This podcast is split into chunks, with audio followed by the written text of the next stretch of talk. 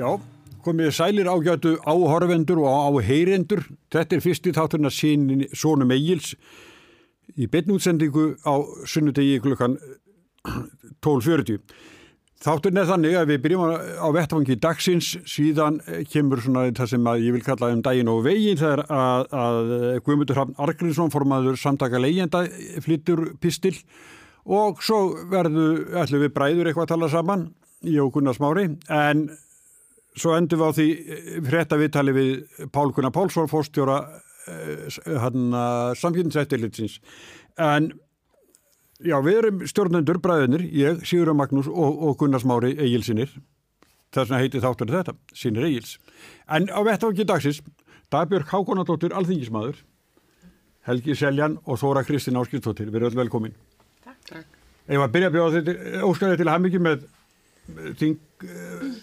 þingmannssætið. Já, takk fyrir það. Þetta er svolítið, bara svolítið brátt að en, en ég er bara klarparat eins og ég segi. Full tilökunar? Já, Mm. já, já. Þetta er, þetta er alveg eitthvað sem bara þarna liggur bara mitt hjarta og ég bara er mjög svona full eftirvendingar ég að fara í þetta haust og, og, og, og tekla það sem þarf að tekla. Já, tölum betur um pólitíkin eftir. En þetta er hans að eins og aðeinsvert að hún er að fara inn á þing, Já. Dagbjörn, þriðja sæti. Á undaninni var hann Jóhann Páll sem að við munum að það var mánuður sem hann leið frá því að það var ljóst að hann yrði á þingi eða ekki þegar það var að vera að endur telja í borganessi, minn ekki þessu. Já, Svo sannarlega. Það er þannig að Ég, Dagbjörn er að þetta er inneiginlega hluti að því langa máli. já, borgarnesmálunum. Já. ég, ég var sko mikill þáttakandi í sko þingmannar hringegjunni og þetta var auðvitað bara umurlegt mál í alla staði að, að veginn eh, ég hef nú sjálf tekið sko mjög virkan þátti að skipilega kostningar gegnum störminn fyrir Reykjavíkaborg og, og verið þær í hverfiskjástjórnum og í hérna svona bara öllu þeir skipulega sem fylgir því að halda auðvitað um kostningar og já, þetta var bara átakarlegt sko. Byrstið frá því hvernig ég stóði þessu öllu saman þú veist, Já. mitt sæti sko. Þetta er skrítið kerfi, það er í, í svona meiri hluta að vera þetta svona eðlilegt kerfi en svo í lokin er eitthvað svona grín. Óhapadrætti og Já. hapdrætti sem er sett í gang. Jóhann uh, Þorvararsson sem er þessi fjármálaverkfræðingur, hann reiknaði þetta út og byrti á, á efni hjá mér á miðjunni að, að þetta veri 0,0006% líkur á að þetta hafi farið eins og að fór hann í lokin. Að, að, þannig að, að hann efast algjörlega um að, að þetta sé rétt niður það.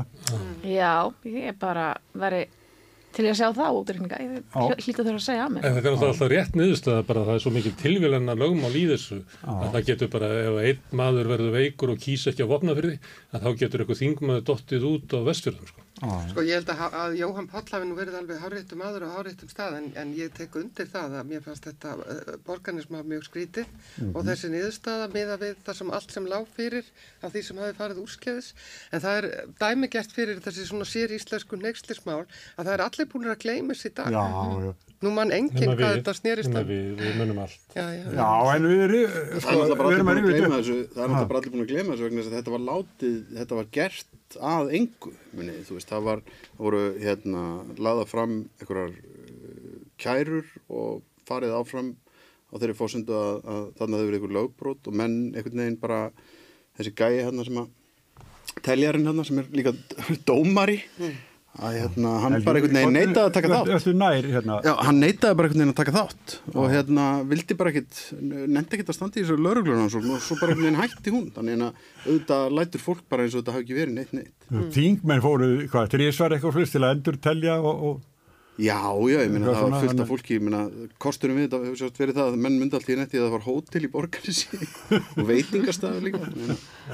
Herðu, en hérna, Helgi, ég ætla að hérna, tölum aðeins, núna förum aðeins í skipafélagin. Þetta er, sko, náttúrulega eh, afar stórt mál og, og, og glæpsamlegt að, hérna, í langa tíma. En svo eru hérna eins og til þess fyrirtækin eins og Innes og Ölgerðin og IKEA, þeir eru svona aðtuga, sko, með, hérna, að fara í, í málsókn, sko, til að reyna að fá tilbaka þetta sem var syndlaðum.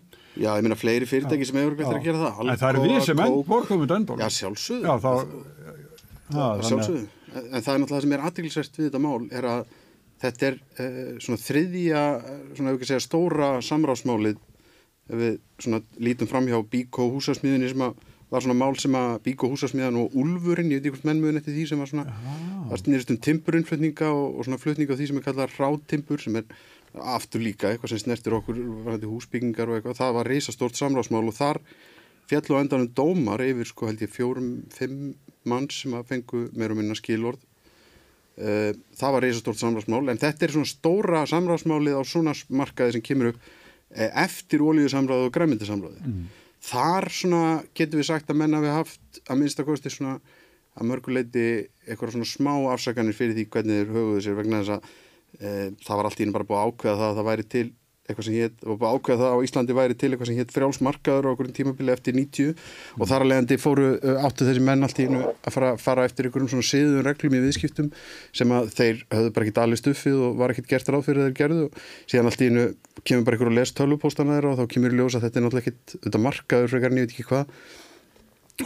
þetta þannig að það var svona kannski, getum, það var svona eitthvað nýja brum en þetta hins vegar er þannig að, að þarna sjáum við líka í gegnum þetta mál þarna er, er verið að brjóta samgefnislög mjög uh, eindreið allan hennan tíma, það er verið að leggja mm. setja plön og, og það er svona alls konar auðvitað hérna svona förðulega heiti kringu það. En á meðan sjáum við líka að það eru starfsmenn inn í þessum fyrirtækjum eins og innan húslagfræðingur hjá Eimskip og fleiri sem eru að stanslust með þessa menn á námskeiðum um það hvað er megi og hvað er megi ekki gera samkvæmt samgefnislóðun og ætlum þess að benda þeim á það því að nú var eitthvað svona reyfildum það hvort að einhverju menn væri vinir eða hvort þeir væri ekki vinir eða eitthvað sem skiptir mig anskotan einhver máli nei, nei. Veist, og svo skiptir okkur einhver máli. Og endanum er að það sem skiptir máli er bara hvort að þeir séu nægilega litlir óvinnir til þess að þeir láti hagsmunni sína ná saman uh, og geti þar alveg hérna, uh, haldið áfram að kreista verlaðið eins og þeir hafa gert En, en þarna eru svona lögfræðingar og það er stanslust að segja við og ekki gera þetta, ekki gera þetta. Þú veist, samskiptin á millikar eiga að vera þannig að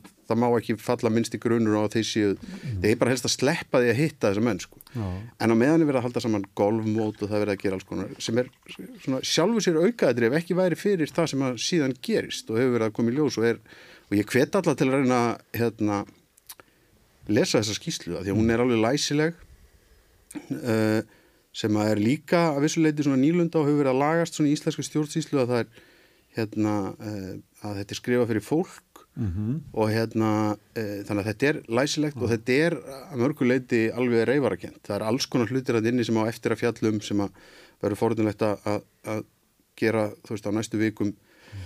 veist, alls konar smái hlutir bara eins og svona einhver svona ljótur rasismi og, og svona sem kemur hérna fram og og, en, en aðalmálið er þetta það var verið að hérna, það var basically á einhverjum viðkvæmasta tímapunkti í Íslands bara í líðveldisögunni hérna eftir hrun ákváðu þessir tveir hópar Aha. að halda upp í vellægi á Íslandi og mjölka Íslands samfélag. Það, bara, það verður ekki tjá því komist að, nei, nei. að það sé niðurstaðan. Smárið, þú ert búin að kynna þetta líka?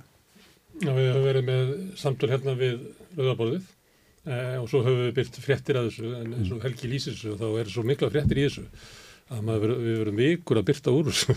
Er, því það er eiginlega ekki hægt að byrta sko eina frétt um þetta því að það er svo mörg svona atrið inn í þessu. En hérna ég tala hérna á eftir við hann Pál Gunnar. Hans að því að nefndir gremmitismálið mm. og oljumálið, hann er á því að þetta sé staðista málið.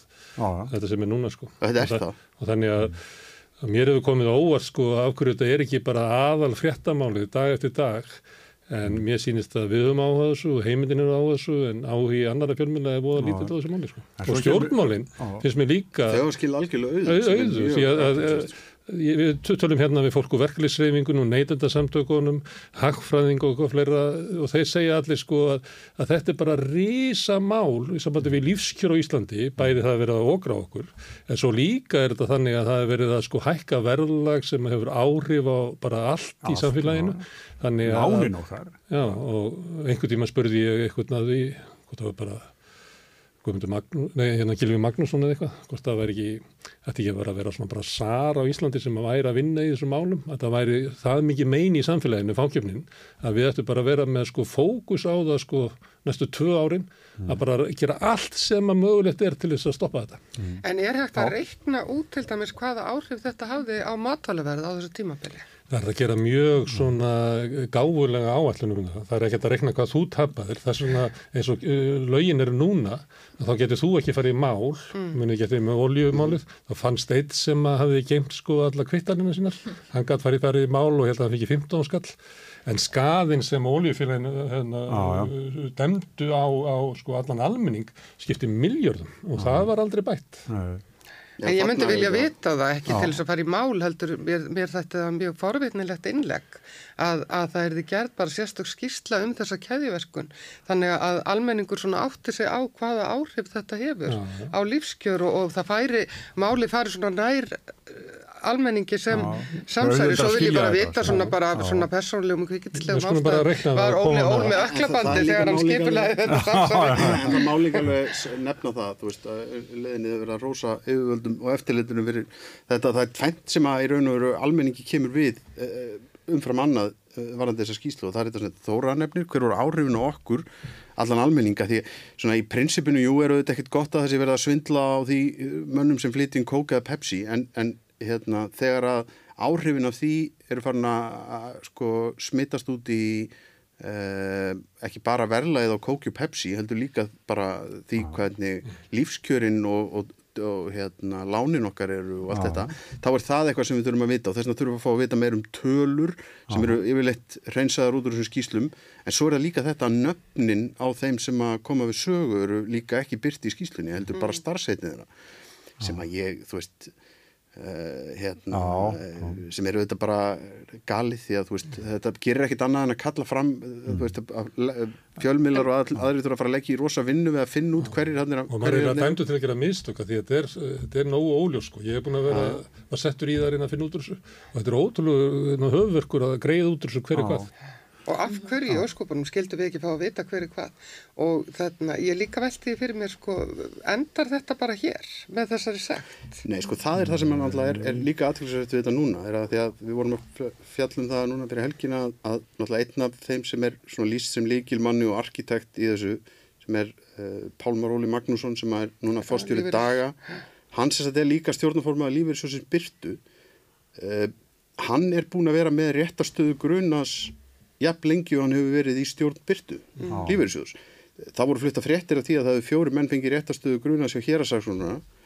Eh, það verist ekki hafa haft neyn áhrif á það að samtöku atvinnlýfsins töldu hann vera réttamannin til að mhm. setja inn í þessum lífeyrissjóði og til þess að gegna stjórnaforminsku sem hann er búin að gera nú tvísvar á þeim tíma. Ja, til þess að lífeyrissjóðin geta stutt áframhaldandi samráð á ég, ég veit ekki hver ástæðan er en, en, en það, það er líka eitt sem er aðeinslega stuðið þetta því maður, ég, maður hefur heyrt það líka innan á stjættafélagunum að þar er til dæmis verist fjármála eftirlitið og, og svona þeir eru verið að meta hæfi mann að setja í lífeyrissjóðum sem ég held að við séum öll sammálum að sé eðlert að þá verist svona, það verist ekki gild alveg sama um Jón eða Sérhjón þar leðandi sko, e, þannig er einhvern veginn verist, að minnst okkur, menn hafa mjög stert á tilfinningunni að þeirra koma fulltur á ratunlífunu þá sé fjármála eftir litið einhvern veginn svona meira e, svona freka kærulösara með það að þá ganga þeir út frá því sem vísu að það séu menn sem kunni einhvern veginn betur að fara með peninga fyrir aðra og þar sem heitir guðdónum mm -hmm. sem eru auðvitað svolítið sérstætt. En, en enga síður þá hlýttum maður að velta fyrir sig sko hvernig ósköpunum er hægt að meta og af hverju er ekki búið að gera meira mál úr þessu áður? Að maðurinn sem er búin að setja það inn í allan tíma samhliða því sem er verið að rannsaka já, þetta?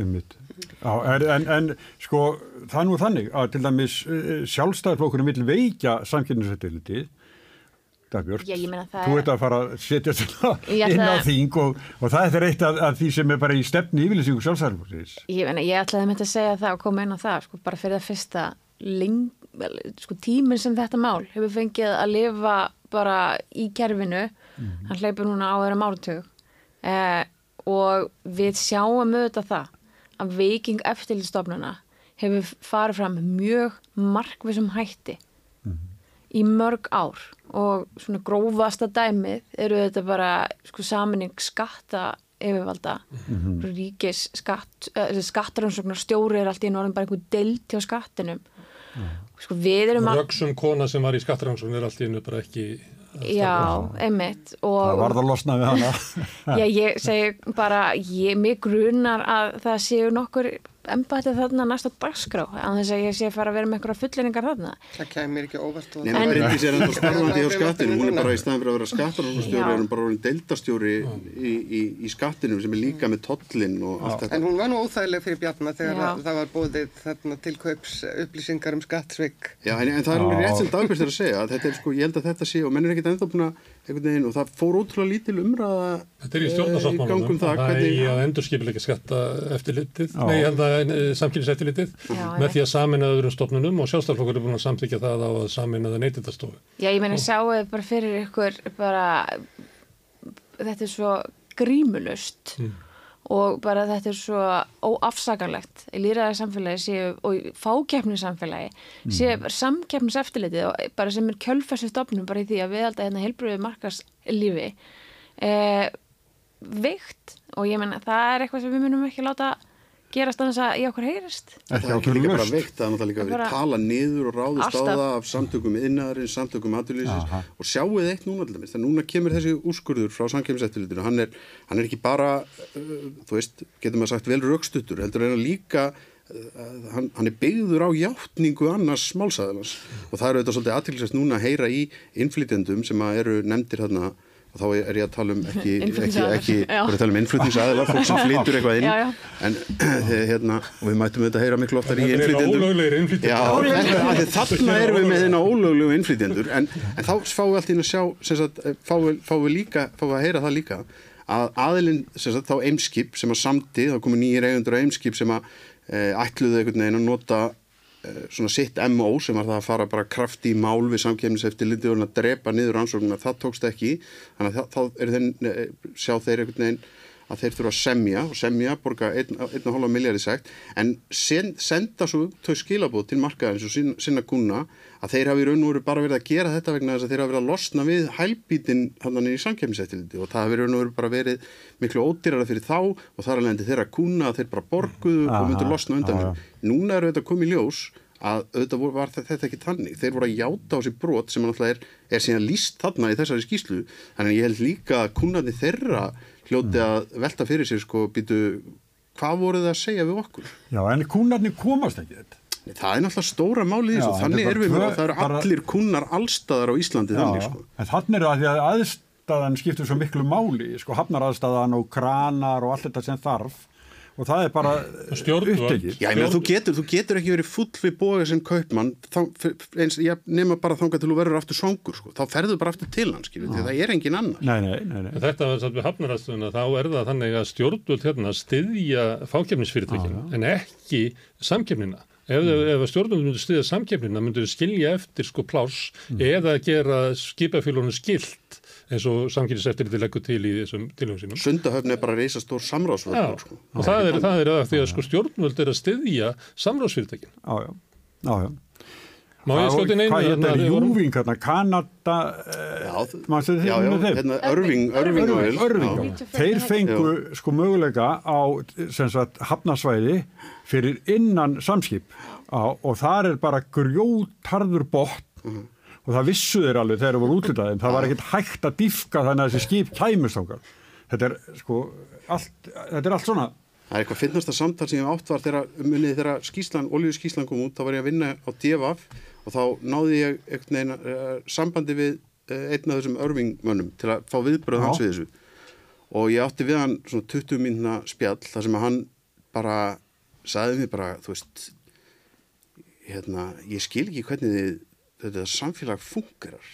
Ég bara aldrei lendi í öðru eins hvergi. Þetta var jóðar sko. Já, já, þetta voru með, ólíu sko. Þetta eru old, old money oljufustar sem bara einhvern veginn Já, já. sem blöskraði svo. En það er skjótt inn að maður átt að sko sanginsættirðið, hvernig það er veikt. Að, að það var búið til 2005 með því að, að það þurfti að losna við einhvern Georg Ólafsson sem hafði einmitt stýrt sko oljusamráðinu. Má ætla það að svona... Hvað Nei, hér? það hétt samkeppnisráð og samkeppnisstofnun. Samkeppnisstofnun. Það var búið til samkeppniseftirlit. Já, já, já. Það voru 22 starfsmenn, núna eru 24 í samkynnseftirlitinu, bæstu tveir. Á tímabilinu hafa, hérna, sýnist mér að viðskipta hagkerfi hafi sko sexfaldast á sko förstu verðlagi. Þannig að ættur umvel að vera þá eitthvað 140 sko til að standa í þessu. Það er eh, svona þumalputa regla að, að samkynns eftir þetta að hafa 40% af aflinu sínu í sjálfstæða rannsóknir. Hérna hefur hérna tekist með því að sko hérna með þrákelkni fórstjórnans og, þessara stofnunar að halda 10% af, af aflinu í það sem eru þá 2,4 starfsmenn. Og það er ástæðan fyrir að þetta tók kannski svona langa tíma fyrir utan að hinn voru að senka þessu. En, en, en e, e, þú veist þannig að í staðin fyrir að vera með tvo ef þetta væri svona eins og í öðrum löndum þar sem að samkynnseftir þetta væri kannski með 100 starfsmenn þá voru 40 í því að ákvæða herðu nú skoðu við tryggingamarkaðin núna skoðu við dagvörumarkaðin og eitthvað svo leiðis, við erum með tvo. Herðu, en þetta er mikið mál en, Mér við- er að vita hverju spáið þið um það, hva, hvar endar þetta fyrir þessa höfuðböra? Hverju, hvernig með skilórspunnu dómum. Já, þið haldið að gera það? Já, þetta enda Nú með erum við- þá eins og einar, muni getið þegar Einar Benediktsson í Ólís stóð fyrir framann hérna hérastum Reykjavíkur og sagði uh, nú er loksins búið að leiðrétta þetta mál.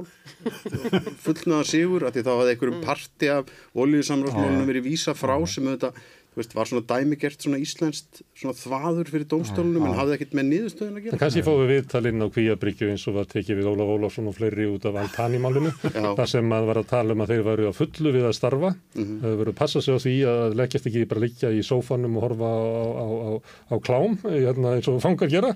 Heldur voru þeir bara í vinnu, mættu snemma á mótnana og þá getur maður séð að horta á þetta viðtal, þá veit maður að Ólafur Ólafsson er í vinnunni við að skipuleggja sko Samráð og og svindla á íslensku Já, komið þetta kvíabryggjur Úr Já, kvíabryggju. já, já þetta- Með- ökklabandið. Þetta er, þetta er áragun hver gæti, Já. hver gæti staði fyrir þessari skýrslu sem ég var að tala um? Hver, Ég stjættafélagin eru byrjuð, ég veit að það eru, hérna, það er búið að, að vera að setja saman uh, hóp uh, og það er náttúrulega kannski svolítið dæmigert að það sé stjættafélagin að taka upp það upp hjá sjálfum sér, setja saman hóp af, af sérfræðingum til þess að meta þetta.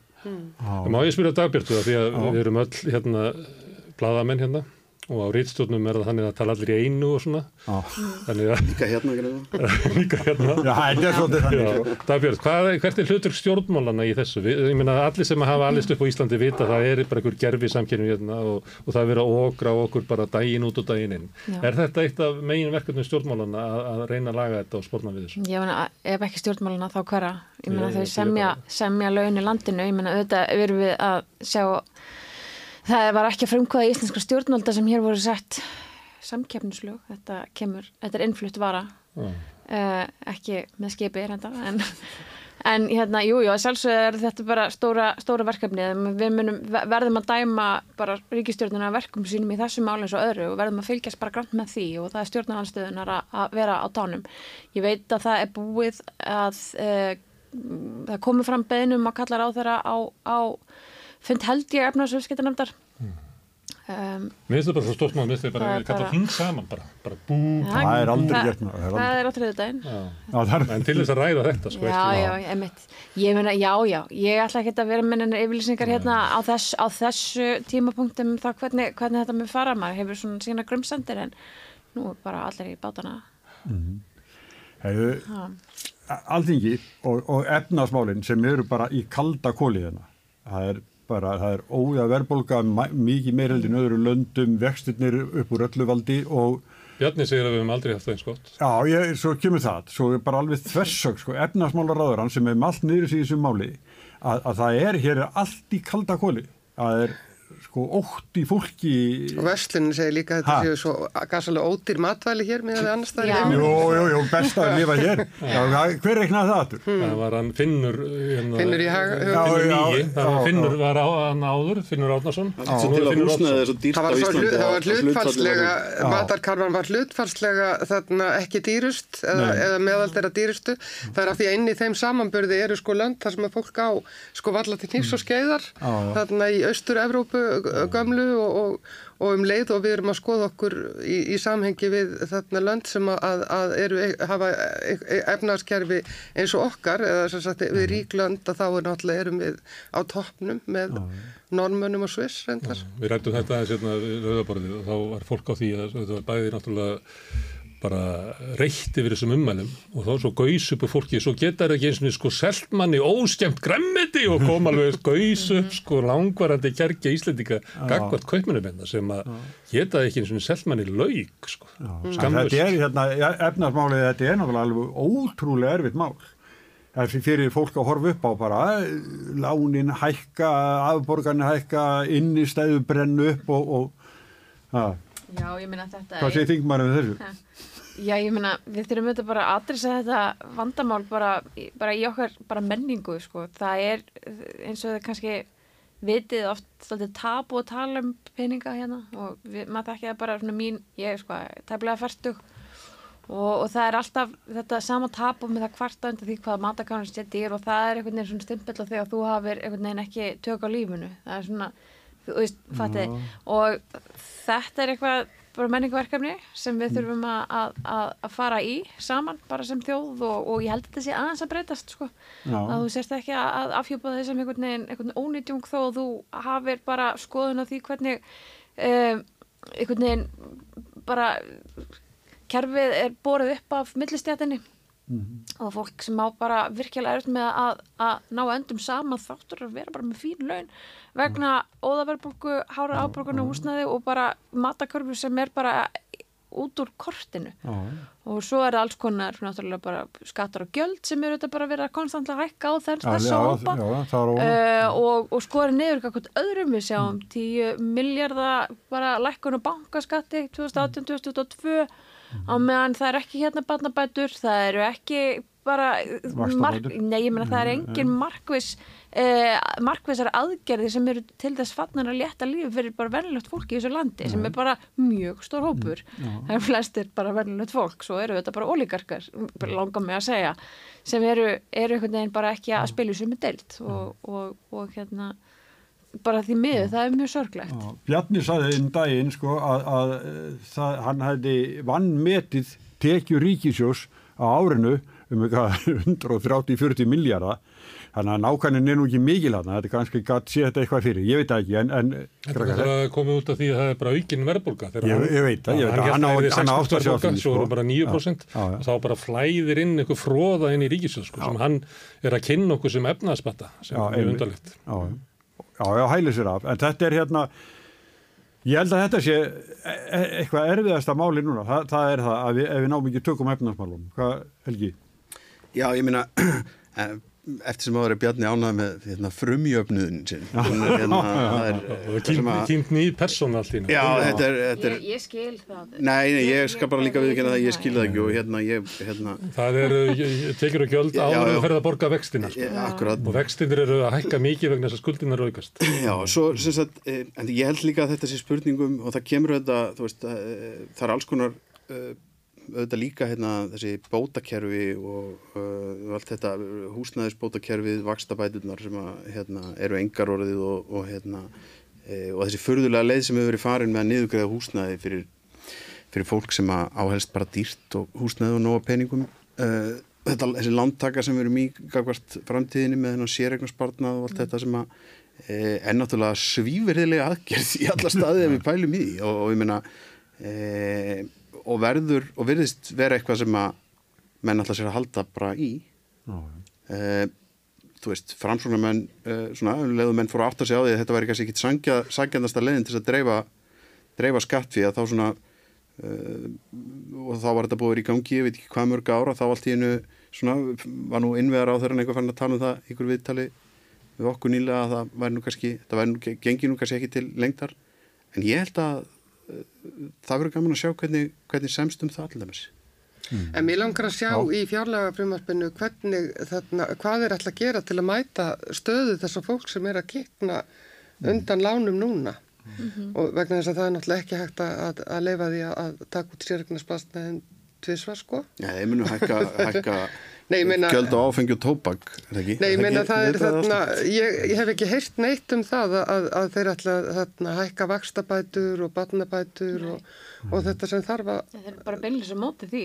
Já, Já, já, það er, það, það, það er þannig. Og þeir vilja frekar fara þessa leið meðan séreignarspartnað sem að. Nei, ég meina sem að- Bjarni er er búin að bóða að sko blóðuga sem að- niðurskurð í þessu fjárlagafrumvarfi þannig að, að það verður kemur vendarlega til með að býta mjög harkalega nema menn ætla að ráðast í, í skattahækkanir og það hef ég ekki heyrt að, að standa ef, til sko. ef það verða skattahækkanir þá beinast, muni þær beinast að venjulegu Já, það munur beinast að þeir sem eiga minnst Mér finnst það bara mjög ólíklegt að, að, að, verða öðruvísi. Já, ég meina, þú veist, mér, langar bara til að grípa þetta aðeins á loftum með bóta, bótakerfið. Ég meina að bætur á Íslandi, það er, það er inni, innihald þess hugtaks er bara mjög neikvætt í augum bara almennings og stjórnvalda og er svona einhvern veginn ætlað þeim sem bara eiga ekkert milli handana og er bara svona fátakar styrkur á meðan þetta eru bara svo eðlileg eh, framlög í hugum bara landa sem við viljum bera okkur saman við. Að, að þar eru batnabætur uh, sjálfsæður og eðlur hluti af því bara að halda út í fjölskyldu og búa til nýja borgara. Og, og það er svo bara, bara mín von að, að venlögt fólki í þessu landi sem ég ætla að tala um venlulega fólki en það er bara til, til, til bara um fólk sem er að, að leggja það á sig að, að búa til nýja Íslendinga og skila þeim bara góðum einstaklingum út í þetta þjóðfélagi að þau fá bara eðlilegt framlega á móti þetta sé ekki fátakar styrkur en já, að sko Það er bara hluti af bara velferðarkerfinu. Þetta er bara hluti af, af því að vera samfélag. Tilfinningur á milli kynnslóða. Við ætlum að- Við borgum skatta og við fáum barnabætur þegar við erum yngri og erum með, hérna alveg börn og svo þurfum við eldri og börnun að fara heiman að þá fáum við ekki og þar er þetta bara jöfnun á milli kynnslóða. Þetta er hluti af þessu norræna velferðarkerfi sem er búið að vera veikja markvist. Af Því að hitt kerfið er líka tilflutningur á milli að þetta er gefa, fyrirfylgju. hitt, flut- hitt kerfið er líka tilflutningur á milli kynsluða. Það að gefa fólki tækifæri til þess að taka hennar séregnarspartnað út og, og fyrir þá sem að hafa, hafa hann að þá hérna er auðvitað verið að, að sleppa því þá að það verið að gefa skattaafslátt á hennu núna sem, að, e, sem eru skatt ekki framtíðan þannig að það, þetta er alltaf, alltaf tilfæsla Já, já. Já, og líka bara hvað að setja einhvern veginn öll ekki einn sömu köruna. Við, húsnæði er ekkert gulltryggt alltaf. Ég meina, við veitum þetta að það, að það er flestir sem eru svo lánsamari að, sem, sem, sem kaupa sér fastegna að búa í henni og selja henni og koma út í plús.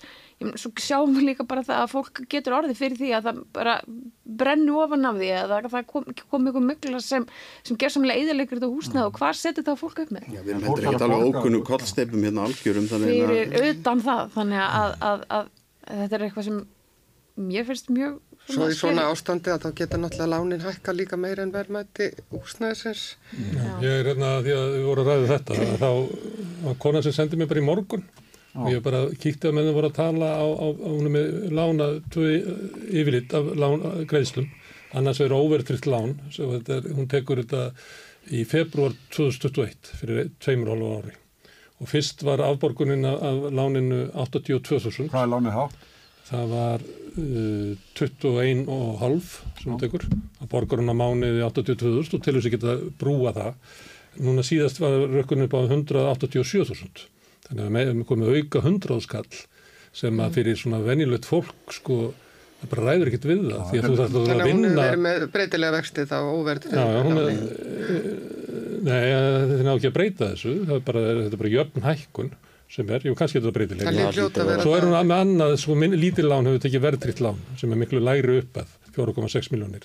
En þá ser maður að sko uppæðin hækka bara svona í takt við verðbólguna, en það sem hún er að borga inn á höfustólinn sko fellur mjög hratt, þannig að hún er ekki að borga neitt inn á höfustólinn. Þannig að þeir sem eru með verðtriður lánin í þessu ástandi, að valkostur þeirra er það að þeir eru bara alltaf eins og hamstrar á hjólinu, en þeir eignast ekki Það neitt. Sko. eignast ekki neitt. Já, já. Það er valkosturinn á Og móti. svo hefur þið neyðast til að selja í þessu ferli að, og meðan að verðið er látt að þá tapaði líka öllu. Það er, Já, já, þetta er skelvilegt ástand. Þetta viðst með vera svona... eins og leyendur, þeir tapar náttúrulega þeir, Já, já. þeir eru að borga sko meira heldur en það er meiri greiðslubyrði eða húsnæðiskostnaður hjá leyendum heldur en þeir sem eru að kaupa Já. en þeir bara borga einhverjum sem er að Já. ávaksta á, á húsnæðiseklunni sem er inn úti Það var eitt hugrakk aðgerð fyrir ríkistjórnuna að koma á legubremsu. Já. Það væri sannlega framlag sjálfstæðismenn hafa staðið gegn því. inn í, Þetta- inn í, við- inn í við- ástandið. Mm, ókeppis fyrir Bjarna það er ekki útgjöld fyrir ríkisjóðs Nei, eins og ég segi, þetta er bara, þetta er bara ókipis hugmyndur á mér.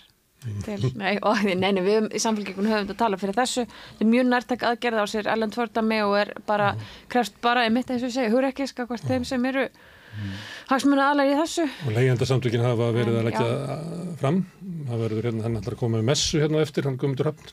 Kannski kemur hann inn á leigabræðsuna. En sjálfstæðismenn hafa, hafa lagst mjög, mjög hast gegn þessu. En Já, það verður mjög meskilegt að sjá þetta, þetta fjárlega frumvarp og, og hvaða aðgerða á að grípa til. Ég, þarna, Við sáum stöðuna á þessum leigumarkaði, svona, það var svörtustöðu, fólki sem bjó í kólageimslunni. Mm. Og, og meðan er, er sko maðurinn sem leigir kólageimsluna í- fyrir ykkur 10.000 á mánuði bara í listi siglingu einhvers þar út í heimi, gjössamlega áhyggjulaus og þetta er alveg grátlegt dæmi ég veit ekki hvað, sko, kannski eru fleiri svona tilfelli til þetta Ég- var svigrúm í samfélaginu. Já, ég meina, sjáu líka, bara dæmið með hérna, heim, heimavelli og hérna, matafjölskylduna. Það kemur í ljós að þeir eru að hérna, markhækka leiguna, ma, markvælt hækka leiguna hjá uh, þessari konu þarna uh, söður í söðum sjó. Á sama tíma og þetta er að gerast, Já. þá er öll fjölskyldan fyrir dómi í landsetti þar sem er verið að vinda ofan af sko, skatta undanskota skými ef við má sletta sem er sko, sem á sér orðið 30 ára sögu hjá þessari fjölskyldu. Uh, þetta er ön, önnur tilraunin þeirra til þess að skjóta sköttum undan með einhverju aflandstriksi og einhverju dóti. Uh, þetta er að gerast á sama tíma sko. Já, uh, en hvað með meðgjöfuna sem þið fengur frá Kópúsbæ? meðgjöfuna sem, við- hvað með meðgjöfuna sem, með, meðgjöfuna sem þeir fá frá sko, íslensku neytendum í, í, hérna, ö, ö, með öllu sem þeir hafa fengið? Og nota benni, það er verið að dæma það er, og það er ekki verið að dæma þau heldur eru þau að fara í málu við ríkið vegna þess að ríkið var að vinda ofan af þessum skatta undanskotuðin í annað skipti en það tókst ekki betur en svo að það var bara undið ofan af þeim og þau eru ekki sem notin borga sekt fyrir það og einhvern veginn og svo hefur við einhvern veginn að hafa einhvern skilning á því að þetta séu aðilarnir sem eigi að halda uppi einhverjum frjálsum leigumarkaði á Íslandi. Þú veist, við erum náttúrulega, Þetta er markaður sem á að leysa vandan. ég veit að það ljótt að segja það. en Ísland er náttúrulega verða einhvers konar sko, ljansveldi þar sem að við erum öll svona meirið að minna bara saman í En kólakjallaranum samt alltaf hálf glöð, þú veist, pælið samt í því aðeins, þú veist, mm. að því að allir þessi karakterar sem eru með hérna, þeir eru samt alltaf eitthvað hálf glataði gæjar. Við hefum enga topp, almenlega, veist, þeir eru alltaf eitthvað, og ég veit að það er ljótt að segja svona, en, en ég held sko stundum að við séum að, hérna, eh, ég heyrði um daginn haft þetta manni sem var að vinna hjá Alþjóða Gjaldirisjónum, sem var hérna þegar við vorum í prógraminu hjá Alþ- Alþjóða Gjaldirisjónum og þetta var svo, þetta opnaði einhvern veginn, þetta var alveg rétt sem hann sagði, hann sagði sko að e, e, Ísland er, er, er ríkt af gríðalegum auðaum og er ótrúlega heppið og, og Íslendingar eru mjög heppnir.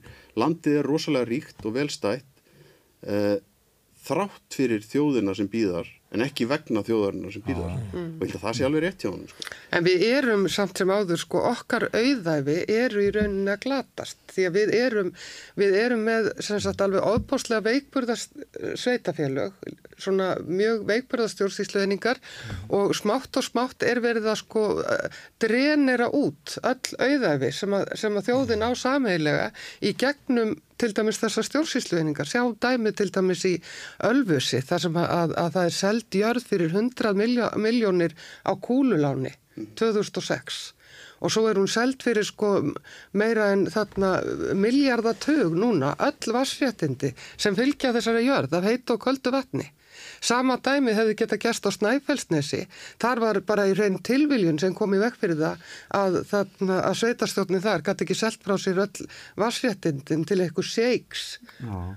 Ég meina það er, það eru sko, sjáiði hálendið, nú er verið að þarna notfæra sér þessar veiku stjórnsýslueiningar til þess að fara, fara í stórfælda uppbyggingu á hálendinu sem að hefur svona verið fyrir utan. Við höfum verið nokkur veginn sammála um að hafa hálendið, þessi ósnæstu víðerni að þau vera í friði, nú eru í, í þarna krafti þess að þessi sveitafélug standi ekki lappirnar í neinu. Og þetta voru þessar sömu sveitafélugin og, og, og stóðu gegn hálendistjóðgarði að nú er verið að að fara í stórfælda uppbyggingu í Kettlingafjöllum, í Þjórsordal, það eru bláa lónið er búin að kaupa þarna egnir á hálendinu og allar í mikla framkvæmdir eins og bara þarna raunegjar. Þetta er allt saman, við erum að fara að sjá alveg sko algjörlega breytta sviðsmynd þar. Það eru öll auðæfi, það er vatn, það eru ósnortin víðerni, það er orka og, þarna, og svo er það fiskurinn í sjónum. Og, Já, í, og lagseldi í... og lagseldið og í öllu þessu þá hafa uh, sveitafélögin sem veikar og spiltar stjórnsýtlueiningar leikið sko þarna stórt hlutverk. Þetta er mjög áhugavert svona og þetta eru sömu sveitafélögin og eru með sko miklaða grunnskóla og, og þarna fúna innviði. Og þarna og þau eru að selja þetta fyrir slik og þetta, eru, þetta er sko sameik þjóðarinnar þetta er þjóðar auð, auðurinn okkar og við erum að naga undan okkur lappirnar sem skilið eftir í sko, fjársveltu sveitafélugum sem að neyðast til að gera eitthvað svona til þess að berga sér. Líka með því hvernig þeir eru að selja lóðir á einhver uppbóði og sprengjað upp sem að náttúrulega kaupendunir og leyendunir til langs, langra framtíma þurfa svo að borga tilbaka. Þetta er náttúrulega ástæðanir að sveitafélugin eh, þurfa bara að vera að selja frá sér eignir vegna þess að þau er ekki, sko, hvað heitir þetta, sjálfbar. Þetta er ekki sjálfbar rekstur. Og svo eru sveitafélögin sko þarna búin að selja einhverjum auðmennum sko skipulagsvald þarna það, byðbærin á Selfossi það er einhver stórkostli uppbygging líka í Hortnafyrði þetta er bara og mútur, óþólandi þró og þar bara verið bara, koma bara fram mútur. Já, og svo látum við það koma okkur svo mikið á óvart alltaf. Nei, já, þegar við sjáum Já, en þegar við sjáum það, en vegna þess að það er aldrei að alltaf skoða, það er aldrei það. að rannsaka. Já, já. Og það eru mútur í svona, það eru það er að- hagsmunir hérastaksóknara. Og hvers vegna? Já, góð. Af því þeim að sagt að gera það. Það, það er til dæmis- Ég ég man hreint þetta ekki, viðtal sem ég ég tók var við í ríkis, ég man þetta viðtal sem ég tók við ríkisendurskoðandinsinni, það sem að, það styrist um mál, það sem basically lág fyrir að það var ekki bara þannig að ákvarðanir, hann var að skoða mál sem leitt hann út á ofnbjörnstofnun að vera að kaupa sem bara vörur á, af manni sem að var nátengdur þeim sem að stjórnaði innkaupunum uh, niðurstaða ríkisendurskoðuna var svo að uh, innkaupin hefði verið óhagstæð og ég spyrir ríkisendurskoðunarbítu en það liggur alveg fyrir vantala hversuna innkaupin voru óhagstæð. Það er vantala vegna þess að það eru, það er eitthvað tengslatn á milli.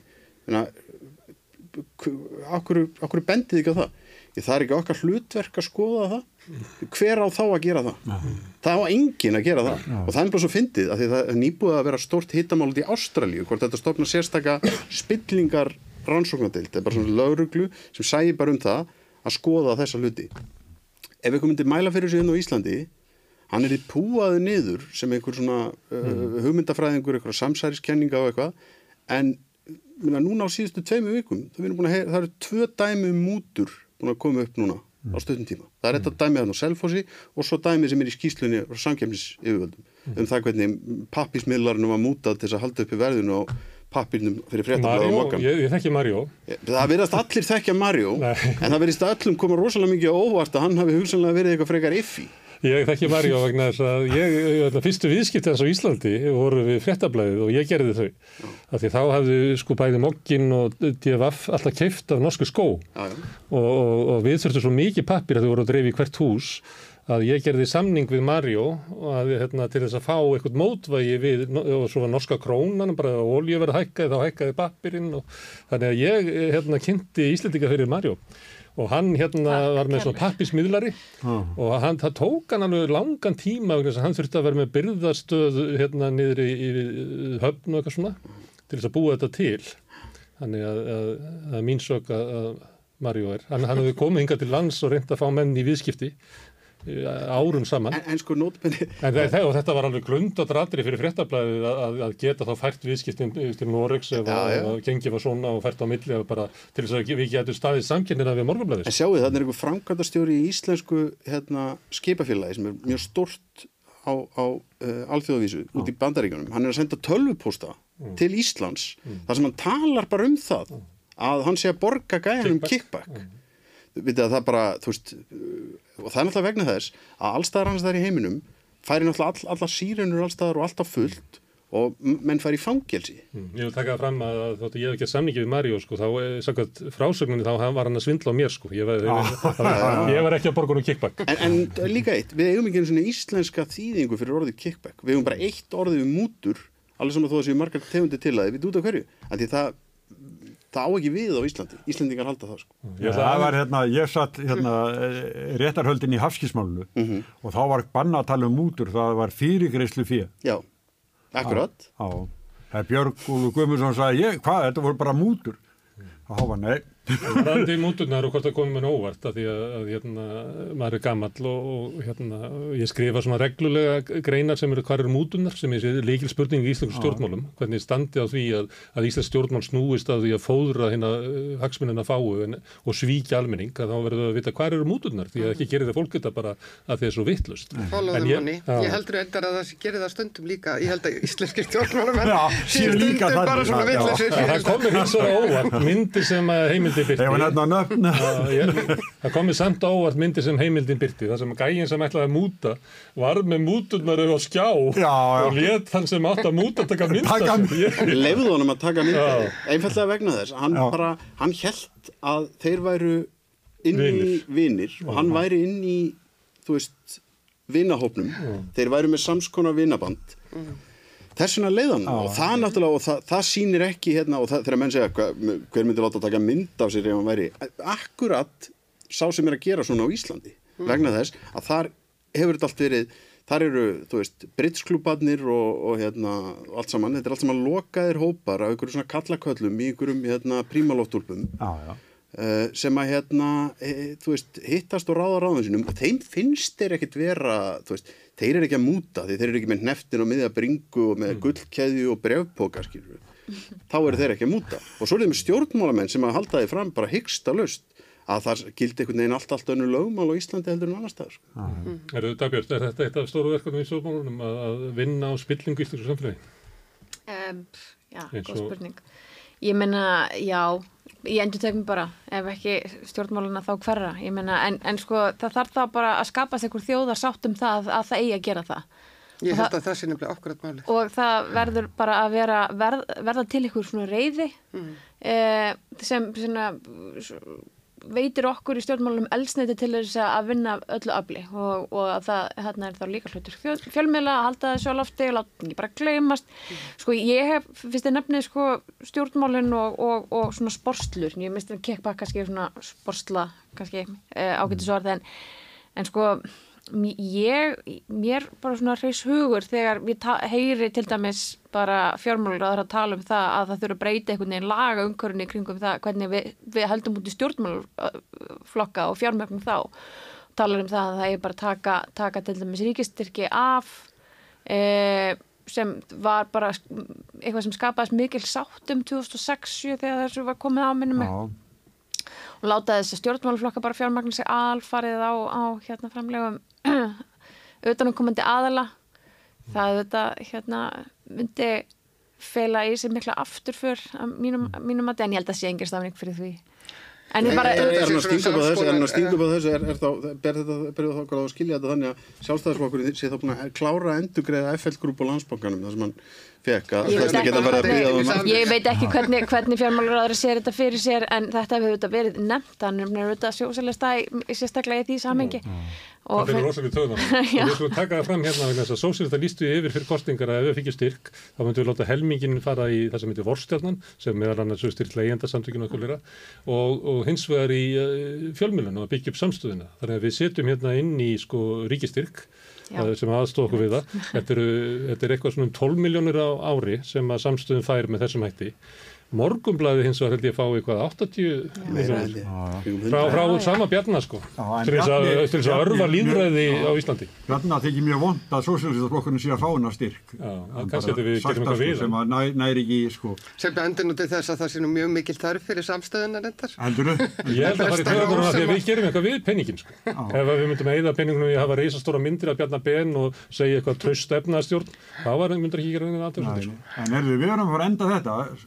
þetta, hérna, við ætlum að þakka ykkur fyrir komina það. Vittu, ætlið ekki að tala um stjórnmál vetranis? Þið fóruð ekkit inn á það? Nei, við fórum alltaf út úr þeim aftur. Nei, það er alltaf mínu vegna. Við, hmm. við Þóra mín, hvað viltu þú segja? Hér eru margir vanir þáttastöndundur. Nei, Nei, ég bara held að við ætlum kannski að velta upp þarna persóna þingvöldu við með þarna ríkistjórn sem er nánast á bröðfótum og, já, og já, það, já, það er allt upp í lofti í, á alþingi, það eru kjara samninga framöndan og, og, og verðbólgan er í hæstu hæðum þannig að maður náttúrulega velti fyrir sér hvernig, hvernig þessi þarna þingvöldur verði, hvort að ríkistjórnin haldi og og þarna já, ég myndi segja að þetta er, það eru mörg að efnastjórni verður náttúrulega stóra máli núna. Við erum með þarna nýjan formann sem að rakar til sín, til sín fylgi mm. en það hefur sjálfsögur ekkit reynt á hana í, á þessum velli. Sko Kristún hefur verið mjög klók í því að hún hefur ekki verið að tjá sig um þessar svona, þessar þarna mm útlendingamál mikið, hún hefur ekki verið að tjása um kvalveðar og svona, hún hefur haldið, hún hefur passað upp á að tjása bara um ákveðna hluti. Nún er hún búin að vissa sko helguvölu sem var svona þarna í ákveðinu svona gagg hlutverki. Það fengið dagbjörst í það enn. Já, en við skulum sjá, dagbjörst vendanlega, ég veit ekki hvort að hún ætlar að fara inn í það hlutverk, en, en Helgavala var sem sagt í þessum, þessum hlutverki að hafa ofsalega sterkar skoðanir á þessu litlu málum þar sem almenningsaldi getur spröðið til begja vona ég meina það er eins og útlendingamálinn og, og mm. það er eins og kvalveiðimálinn og svona. Þannig að nú er hún farið Þetta er rosa mikið sagt sko en, en betur er að gá þá hefur formaður bara tjáð sig um þessi mál á einhvern tjápunktin hún hef, lætur einhvern veginn bara samt uh, samfélag lætur samt þegar bara þunnu ljóði. Það, það farið bara ekki stefnu flokk Ég held að þetta sé bara mjög klókt útspil en það sem gerist núna það er að, að hún mun sagt, neyðast til þess að fara að tjá sig meir um þetta og það mun reyna meira á Kristrúna og hún fara að sína á spilin og það mun vendarlega sko reyfa líka meira við fylginu hjá samfélkingunni annarkort í mínus eða pluss það verður svona þarna, nú fyrir við að sjá því að það er svo ábáslega mikil polarisering í þjóðfélaginu. Útlendingamálin og innflytjandamálin eru til dæmis sko eitruð af því að það er svo mikil polarisering. Mm.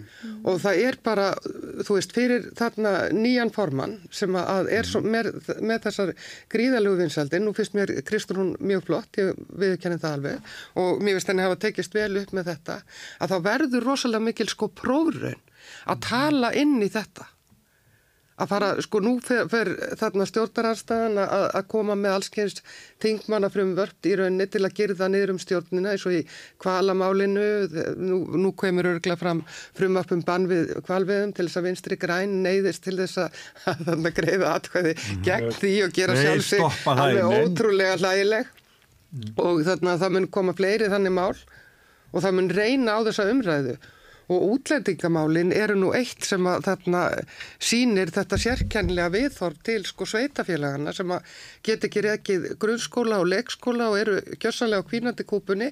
En ríkistjórnin ákvaða að setja sko alla hælisleitendur út á götu eftir 30 daga og þykjast núna þegar það var uppi neyðarástand að þarna þá þykjastir hafa ætlað að vísa þessu á sveitafélagin. Ég með þetta var rætt í vetur. Já, ég, ég menna við rættum þetta, þetta bara mjög mikið í vetur. Ég var einn á þinginu þegar hérna Já, ég menna þau voru við. Og, og þetta var þetta bara rauði þráðurinn í því sem við í samfélkingunni bentum öll notabenni, öll mm. á það og töluðum einu máli í þessu umurlega máli, þessum breytingum sem var bara, voru matretar ofan í hérna ofan í þingheim sem voru bara, bara næstum því bara skrifaðar að vilja bara meina af hálfu útlendingastofnunar til þess að leysa úr þeim nútum sem myndast þegar farið er á þeim lögum sem voru þar til fyrir það var ítrekað bent á það að sveitafélagin myndu koma til með að setja uppi með svartapétur í þessu máli. Sko, félagsmála... Það er ljótt að segja svartapétur Nei, jú, nei, ég er að tala um það að það var innbyrðis -hmm. það var innbyrðis bara þversögn og félagsmálaráður sagði að, þú veist, dómsmálaráður sagði sveitafélagin myndu sjá um þetta. Félagsmálaráður sagði nei og mm. það, þú veist, þetta var bara samt samþygt með mjög gífurlegu með þetta ég meina, það má bara alveg tala um hlutinu þess að það er Þetta er bara reynslan úr sko löndunum í kringum okkur. Það er þetta. Það tala við sveitafélagin, þetta bara kom teimi í opnum. Já, ég menna, fyrst þú talar um það... Þeir hafa farið þá leið að byggja sko þarna flóttamannabúðir eða fangelsi eins og til dæmis núverandi dómsmálaráður að við fara sem er alltaf ræðilegt og ég menna það er ræðilegt mannréttindabrót, maður hugsa um alltaf unga fólk sem hefur sko dagað upp í svona búðum árum saman. Þegar það ætti til dæmis að vera bara að læra eða, eða byrja lífið, þá er það í sko einhverjum þarna lokuðum geimslum af því að, að þessi lönd ráði ekki við að taka vandanum. Já, þetta fólk dagar, dagar að nuppi, það er, er reynslan sem er svo Danmörku og hérna að, að þetta er náttúrulega sko... og fólk er lokað inni á þess að það gett neitt af sér. Já, já, já sem er í prinsipinu er þetta náttúrulega bara galið en það sem er náttúrulega ljótt við þessa umræður að hún vinniðist einhvern veginn uh, þegar hún byrjar og verður svona, uh, svona svona mainstream á einhvern veginn eh, síðustu tveimur árum að hún verist einhvern veginn vera að ná í gegn. Því að þið sjáu það að það bara kemur á skoðanakonun og það er bara meirluti fólks hefur bara alltaf áhyggjur af innflytjendum. Og en svo að þú fyrir að tala við þetta fólk eins og hefur við gert á til dæmis varðandi þessar óbúslu áhugjur sem við verðum að viðra í Keflavík og, og hérna og Reykjanesbæði varðandi flótamenn það sem að vissulega reyndi á en að hluta til vegna þess að það kom ekki stuðningur frá ríkinu til þess að aðstofa þar við að það voru, voru alls konar sögur og, og, svona þvæla sem að óðu uppi sem að kom svo í ljósa eh, þegar að þú fórst einhvern veginn að grafa þig eftir því að, að það þekkti það einhvern veginn enginn í einn raun þetta var bara orðið eitthvað svona mm. og, og það kristallaðist í því að það var einhver einhver aftur kall í prímalóttúrpu sem að var rosa reyður yfir því að veri fólk að lappa fram hjá, að lappa, lappa götuna sem eru öðru svo litin heldur en hann Svo hann fann ógn af því Já, bara við, bara við að hafa það þegar það var að fara í strætó nálatónum þannig að og, og, og, þar, en, en, en aftur við, við, veist, þetta hefur haft þau áhrif að meiri hluti fólks að mista okkur í þessum könnum verðist allt í hennu vera eh, farin að hafa óbúslega miklar áhyggjur af þessu. Og það er bara Umræðan hefur haft þau áhrif líka út af samfélagsmiðlum að því að bara, umræð, bara það að þetta komi upp að þá rotta allir þarna vittlisingarnir sér saman og úrverður sko alveg þarna hróðaleg þarna kröfu ganga brjálaðinga sem að láta eins og þetta sé sko. og það er formaður sjálfstæðarflokksins mm. sem að er að reyka þessu umröðu Já sko dómsmálar á þeirra kemur þetta. Ég verð nú að segja Guðrún og Hafstæðins til hrós að mér finnst hún hafa bara orðað það sem að sko stjórnvöld eða, eða sjálfstæð, þarna sjálfstæðisráþeirarnir virðast vera að hugsa. Og ég minna hún kemur fram hún er greinilega að reyna að marka sér pláss sem einhvers konar nei hún kann ekki að ljúa hún gerir það hún er svona svo Sigriður Andersen. Ég kann að meta, ég kann að meta að þau segir hreint út hvað þau sé að hugsa þannig að það sé hægt að svara því. Mm. Vegna þess að, að þessar svona lígar og, og, og þessi hálsanleikur sem að veður upp í þessu málaflokki er mjög hættulegur. Ég held að það sé betra að við getum þá tekist áum, ég meina nú er verið að undirbúa þetta rillilega fangelsi, við skulum takast áum það. Hvað er það að vera? Ég veit ekki, þetta er bara eitthvað, mér er sagt að það sé verið undirbúið þetta pröfumall, ég veit ekki meir. Það er ekki, er ekki eðla að þetta sé í hérna Falun Gong búðunum hérna? Í gúlakinu, njárvíska gúlakinu. Það var í grunnskóla njárvíkur, það var nú kannski vantanlega reyka grunnskóla þannig að maður sé loka vegna mikil. Mér finnst þetta svo erfitt að reyka grunnskóla hérna á það var, var einu, einu rökun þetta var bara ekki, hægt að halda út inn í grunnþjónustu lengur. Þá að menn fór að tala við bæjarstjónu sem kannast ekkert að það væri rétt og vissulega væri þetta svolítið kannski þungt og allt það En, eh, en hvernig dettur mönnum í hug líka sko, að fela sveitafélagunum þetta án þess að það sé neinn meðgjöf. Mm. Það er ekki hægt að líka að, að taka svona ákverðunum að taka við til dæmis svona mörgum flottumönnum frá Úgrænu nema að, að gera um það sérstakar áallanir já, já. í skólamálum og svona þú ert að taka móti fyllt af bönnu. Já, saman sem að gert með Venezuela. Það er allir búin að gleyma því hvernig það kom til. Sömu menn einhvern veginn og láta núna eins og það hérna hafi verið sett út, settur upp einhver svona ferðarskristofa hérna... það, það er sama fólki og, og hvart til þess og samþýtt til sko. Já, vera svo kvart yfir því að vilja fá sér aftur á diskin þó það er búin að vera í tóltíma sko. og sökin er bara ríkistjórnarinn er þetta algjörniðilang fyrir hana. Ég vil bara taka svo stert til orða það er hægt að gera mjög góður áallan en þessu málflokki ef viljinn er fyrir hendi. Og það er alveg bara alveg morgunljóst það er engin vilja til þess að stilla upp bara einhverjum sviðsmyndum sem bara fela í sig bara viðunandi móttöku á bara þeim hópum sem við getum tekið á móti í okkar litla samfélagi og hafa eitthvað skonar, ég, ég myndi vilja sjá eitthvað svona, svona stegumagn á þeim fjölda sem við síðan tökum við með að við hérna bara þær skildur sem við hefum undirgengist þetta er eins og bara eitthvað tomt hjóm í eirum stjórnvalda. Við þurfum alltaf að koma okkur saman um hvað við ætlum að taka mótið mörgum, hvernig við ætlum að gera það. Það er mjög vel. Það er ekkert að býður fólk ekkert í röðum eftir að koma til Ísland, sko. Það er það er samt þannig ástandi helgi og það er að vaksa í heiminum að flóttamannaströymar er að aukast. Við þurfum að axla okkar ábyrð þar líka. Og við eigum að sjálfsögða að gera það. Það er ekki það er ekki sérstök ásókn að koma til Íslands. Nei, nei, það er samt sem áður, ég menna það var til dæmis með þarna átökunum í Úgrænu, eða þess að stýðin í Úgrænu, sem að flesti taka að sér, við tökum sérstaklega Venezuela út af einhverju glóruleysi í varöll, mm. en þarfir utan þá er ekki sérstök aukning í ásókn en að hælisleita þetta til Íslands. Nei, nei, en það kemur til með að aukast bara af, ekkit endilega til Íslands, en þessi flóttamannaströymur í heiminum er að aukast til dæmis út af þarna út af bara línum jarðar og það eru svo mar margar ástæðir fyrir því að þetta verður eitthvað sem maður þarf að taka á í framtíðinni. Við verum að halda áfram með þetta síðan, við erum að tala saman í klukkutíma, 40 mínuturnar er orðina 60. Ha, ég þakka ykkur, má ég, ég þakka núna að vera komin að og Gunnar Smári, þú ætlar að Afkynna þáttinn. Já, hérna á eftir að þá erum við með smá tilruna því að það hefur ekki alltaf gengið vel að vera með svona pistla í sjónvarpi en við fengum hann Guðmund Hrafn Argrímsson sem er formaður leyendarsandakana til þess að gera tilrun til þess. Við erum svona að reyna að byggja samstöðuna upp sem uh, vettvang fyrir svona skoðanagreinar og, og, og pistla. En áður ég skipti yfir að þá verði að því að uh, samstöðun hún er rekin svona eins og amerísk uh, kristnibóðstöð. Við berum hérna út uh, fagnarerindið og höldum hérna efni og svo sögum við svolítið um að fólk hjálpa okkur við að byggja þetta upp. Þið getur gert það með því að fara inn á samstöðun.is og gerst áskrifundur á samstöðinni. Það kostar bara 2000 kall á mánuði og það er mikil aukning búin að vera svona undarfarna daga og við erum mjög bjassinn hérna.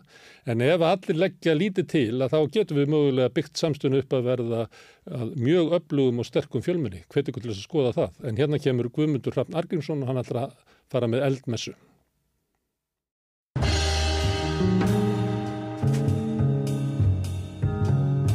Í þessum pisli ætla ég að fjalla um sangirni á legumarkaði. Þann 22. desember í fyrra ákvað Sigurður Ingi Jóhansson innviðar á þeirra að skilgrina hvernig sangirni skildi háttað gagvat íslenskum leyendum. Hvernig skilgrining á þessu líkil húttaki mannlegs samfélag skildi tólkað og gilda fyrir leyendur. Markaði það ákveðin tímamóti sögu húsalegulaga á Íslandi þar sem þannig átti sér stað grundvallabreiting á réttastöðu leyenda. Húsalegulögin, núverandi, eru frá árinu 1994 en hefur þó verið breytt reglulega síðan eða alls tíu sinnum. Flesta breytingarnar hafa verið smávægilegar, svo sem orðalagsbreytingar vegna stjórnskipan, breyting á hjúskaparlögum, smávægilega breytingar sem hafa verið framkvæmdar til að skýra ákveðin minniháttar atriði í lögunum, skerpa á skilningi þeirra eða til að mæta fordæmum úrskurða varðandi ágreining. Tvísvar hafði lögunum verið breytt efnislega áður en breyting Sigurða Ringa í desember í fyrra varða lögum. Það var árið 2016 þegar nokkur nýjum ákvæðan var bætt við lögin til að skýra heimildi legufélaga til upplýsningaöflunar um skjólstæðinga sína og setna árið 2019 þegar þurfti að skerpa betur á réttastöðu leyenda sem legðu hjá vinnuveitundum sínum. Voru þetta þó á engan hátt grundvallabreitingar á almennri réttastöðu eða réttindu leyenda. Í húsalegulögunum eru tiltekin mikilvægustu réttindi leyenda á mjög skýran hátt. Til dæmis réttu þeirra til áframhaldandi leigusambands og endur nýjum samninga, tilefnin til riftunar eða uppsagnar, krafa um nöðsynlegt viðhald, heilnæmi og öryggi húsnæðis, meðferð tryggingafjés, rétturinn til að skjóta ágreiningi til kærunemdar og ekki síst rétturinn til sangjarnar húsalegu. Í 37. grein húsalegulaga er hveðið á um rétt leyenda til þess að leigufjárað sé sangjörn og eðlileg en í annari málskrenn stendur leigufjárhæð skal vera sangjörn og eðlileg í gardbækja aðila. Í fyrstu málskrenn segir að aðilum sé hins vegar frjálst að semja um fjárhæð húsalegu og hvort og hvernig hún breytist á leigutímanum. En þessi grein, laga, lifði í 28 ár sem grunnstefi réttastöðu leiðenda. Stutt og einföld, tvær setningar. Hugtakið sangirni kemur víða við í íslensku lögum eða alls í 105 mismunandi ákvæðum laga og þjóðrættarsamninga og hafa sjálfsögðu fjölmarki dómar fallið með tilvísjan í hugtakið. Þessi tíða tilvísjan í hugtakið í íslensku rétti er áþauk því sem þekkist á hinum Norðurlöndunum en þar kemur hugtakið margótt fyrir og eins og gefur að skilja hafa þar fallið margir dómar þar sem reynir á tólkun þess og réttar árif. Það er því ekkert sérstakt við þá staðrind að ein helstu grundvallaréttindi leyenda séu byggð á slíku hugdaki. Sú lögjöf sem húsalögulögin kallast á við og hægt er að sækja skýrskotum til að skýra ímis ákvæði í þeim eru til að mynda lögum lausafjörgaupp, lögum samningsgerð, lögum neytendakaupp, samkettnislög, lögum húsnæðismál og lögum félagsþjónustu sveitafélaga á samt að sjálfsögðu lögfestum viðauka við mannréttinda sáttmála saminuðu þjóðana um réttin til viðegandi húsnæðis. Við tólkun samningsákvæða líkt og 37. grein húsalegulaga þarf að leitast við að ná fram nýðustöðu sem er sangjörn og eðlileg í garð samningsaðila þegar lítið er til allra aðstæðna og atvika. Við tólkun verður að nota sér sangjörnins mælikvarða sem koma fram í sögkvöldum frávíkjanlegum lagareglum og miðast að sjálfsögðu við eðli samningstegunda hverju sinni. Ef engin sérlaga ákvæði eru fyrir hendi sem skýra hvernig sangirnishugtækið skal metið í samningumilli er hægt að hafa hið almenna ákvæði í lögum um samningskerð til hliðsjónar en í því stendur tilvitnun hefst. Samningi má víkja til hliðar í heild eða hluta eða breyta ef það eru talið ósangjart eða anstætt góðri viðskiptavenju að bera hann fyrir sig. Þið sama ávið um aðra löggerninga við matsangat fyrstum álskræn skal líta til efnis samnings, stöður samningsaðila, atvika af samningskerðina og atvika sem síðar komið til. Og þau efnisatriði samninga sem algengast er að komið til skoðunar í slíkum eru einmitt verlag eða endurgjald fyrir veitt verðmæti. Um sangirnins hugdæki í íslensku rétti hefur verið reytað engar vel í meistarriðger einni í lögfræði við Háskóla Íslands en hana skrifaði Haldur Káur Þorstensson árið 2015. Í henni kemur meðal hann fram. Tilvittun hefst. Hæsturéttur hefur margóft lagt mat á það hvort verði eða verkildi í samningu með önnur gagfæm skipti hagsmunna séu sangjörn. Ákvæði sem fjallum sangjarnar fjárupað eru orðuð með margvíslegum hætti, heiti fjárafhendinga fer að sjálfsög eftir samhengi hennar. Í einstakar lögum er mælt fyrir um fjárafhendingar af mismundi tægi skuli vera sangjarnar. Víða í lögum er svo að finna ákvæði þess efnis að fjárhæðir skuli vera sangjarnar hvort sem um er að ræða bætur vegna tjóns eða útlagskostnaðar, endurgjald eða álægningu. Verlags ákvæði snerta á einu af kjarnaadriðum réttlætis hugtaksins sem er samofið sangjarnis hugtakinu.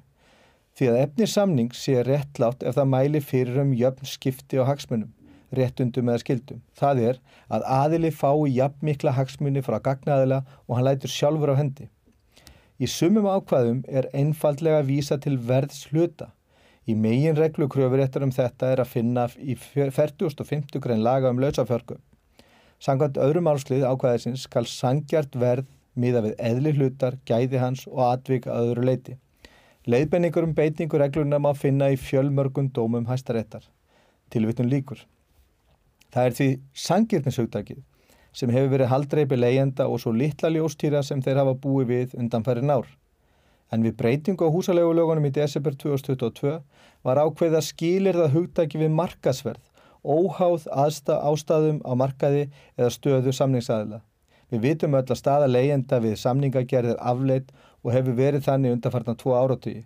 Að samaskapi hefur orðið fullkomi markasprestur á húsnæðismarkaði vegna skorts og ásælni eigna fólks og fyrirtækja í húsnæði sem hagnaða drifna fjárfestingu. Það er því mjög ólíkitum að sangirnins hugdagi skuli skilirt markasæðstæðum og það á forsendum leigosala en eins og við vitum þá hafa þeir bæði töklu haldir á leigumarkaði. Um það vittnar stjórnlöst okkur sem fer vaksandi og mörg íþingjandi skilirði sem leyendum eru sett. En geta domstóla skorið úr um lögmæti samninga með tilliti til verðlags eða endurgjáls? Já, það geta þeir og hafa margóft gert. Til dæmis hefur hæsturéttur hafnað því að samningu sé breytt með tilliti til verðlagsþróunar sem kallast á við verðtryggingu legusamninga og hafnað kröfum vegna verðlagshækana. Í slíkum tilfellum hefur rétturinn látið kostnaða með þetta verð ákvaði samninga. Þannig hefur verið leita eftir sangjarnari verðlagningu með tilliti til kostnaðar og almenns verðlags. Að samanskapi hefur lögjafinn látið frá sér fara lög um verðlagningu á vörum þar sem tildeknir eru til dæmis vöruflokkar sem eru undar þegnir slíkri verðstinningu. Þeir vöruflokkar sem til dæmis eru undar þegnir slíkum lagaákvöðum í búvorulögunum eru engungu þeir þar sem samkettnir næg til þess að tryggja æskilega vermyndun og sangjant verðlag. Í lögum um Evróska efnaharsvæði kemur fram að ósangjart kaup eða söluverð geti verið til margsum mísnótkun á yfirbárastöðu. Þessi regla er ítrekkuð í 11. grein samkeppnislaga þar sem mísnótkun aðila og markasáðandu stöðu er bönnuð. Það er því deginu ljósara að leyendur hafa fram til 22. desibir í fyrra haft þau tækifæri að láta domstóla skera úr um sangjarnar leigufjáráð af grundvelli kostnaðamats og almenns sangirtis. En stjórnvöld undir fórustu Sigurður Inga Jóhanssonar hafa gert það möguleika að engu. Það má auðveldlega gera því skóna að kvati hans að þeirri ákverðun að eigða þessu möguleika leyenda hafi verið orðræða hagsmunna samtaka þeirra um sangirni og tólkun hugtagsins en það kemur hún beint í kjölfarið. Það er líka magnað að slík grundvallabreiting á réttundu leyenda hafi farið fram án stillar sem engrar umræðu í skjóli þvargs um skráningaskildu leigusamninga. Það er ljóst með að við frangað stjórnvalda um þær fyrirætlanir að ætlunum var að eigða þessu möguleikum leyenda án þess að efna til umræðu um hana. Leyendur eru því verri stöðun áður og var hún þó bá fyrir. Að lokum skal draga hérna fram 31. grein laga um samningskerð, umbóð og ógilda löggjörninga, en þar segir hafi nokkur maður nota sér bájendi annars manns eða það að hann var honum háður til þess að afla sér hagsmuna eða áskilja sér þá þannig að bersinilegu mismunur sé á hagsmunum þessum og endurgjaldi því er fyrir þá kom eða skildu koma eða hagsmunni þessi skildu veittir án endurgjalds skal gerningu sá er þannig er tilkomin ógildur gagvað þeim aðila er ávar hallað með honum. Ef farið værið eftir íslenskum lögum sem gilda um samningagerð, samkeppni og lausafjörgaup er ljóst að flesti leigusamningar á Íslandi eru ógildir með tilliti til leigufjárhæðar. Því húsalega hefur hækkað markvalt á við aðrað hagstærðir í landinu og lítið sem ekkert sem réttlæti hækkun hennar allt fram að síðasta hausti. Leyendur eiga því með réttu inn í leiðréttingu vegna þess okurs sem þeir hafa búið við vegna slæbra stöðu sinnar. En samstæða leyenda verður hér eftir sem áður svo þúfa sem veldir því hlassi sem óreitletið er. Góða stundir.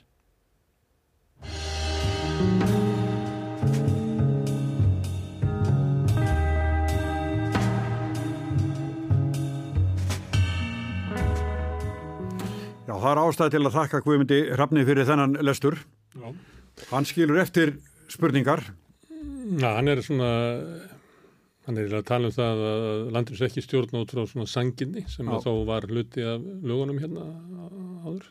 Já, þetta er hérna, Við ætlum að þróa þetta því að svona umræði er náttúrulega, stundum maður að gefa fólki færi á að koma með eitthvað svona ígrundað innlegg inn í þetta Já, sem að auðvitað text svolítið í svona samtali hérna við borðið en, en við ætlum að þróa þetta já, já, já, já, Hmm. já, já, já, já.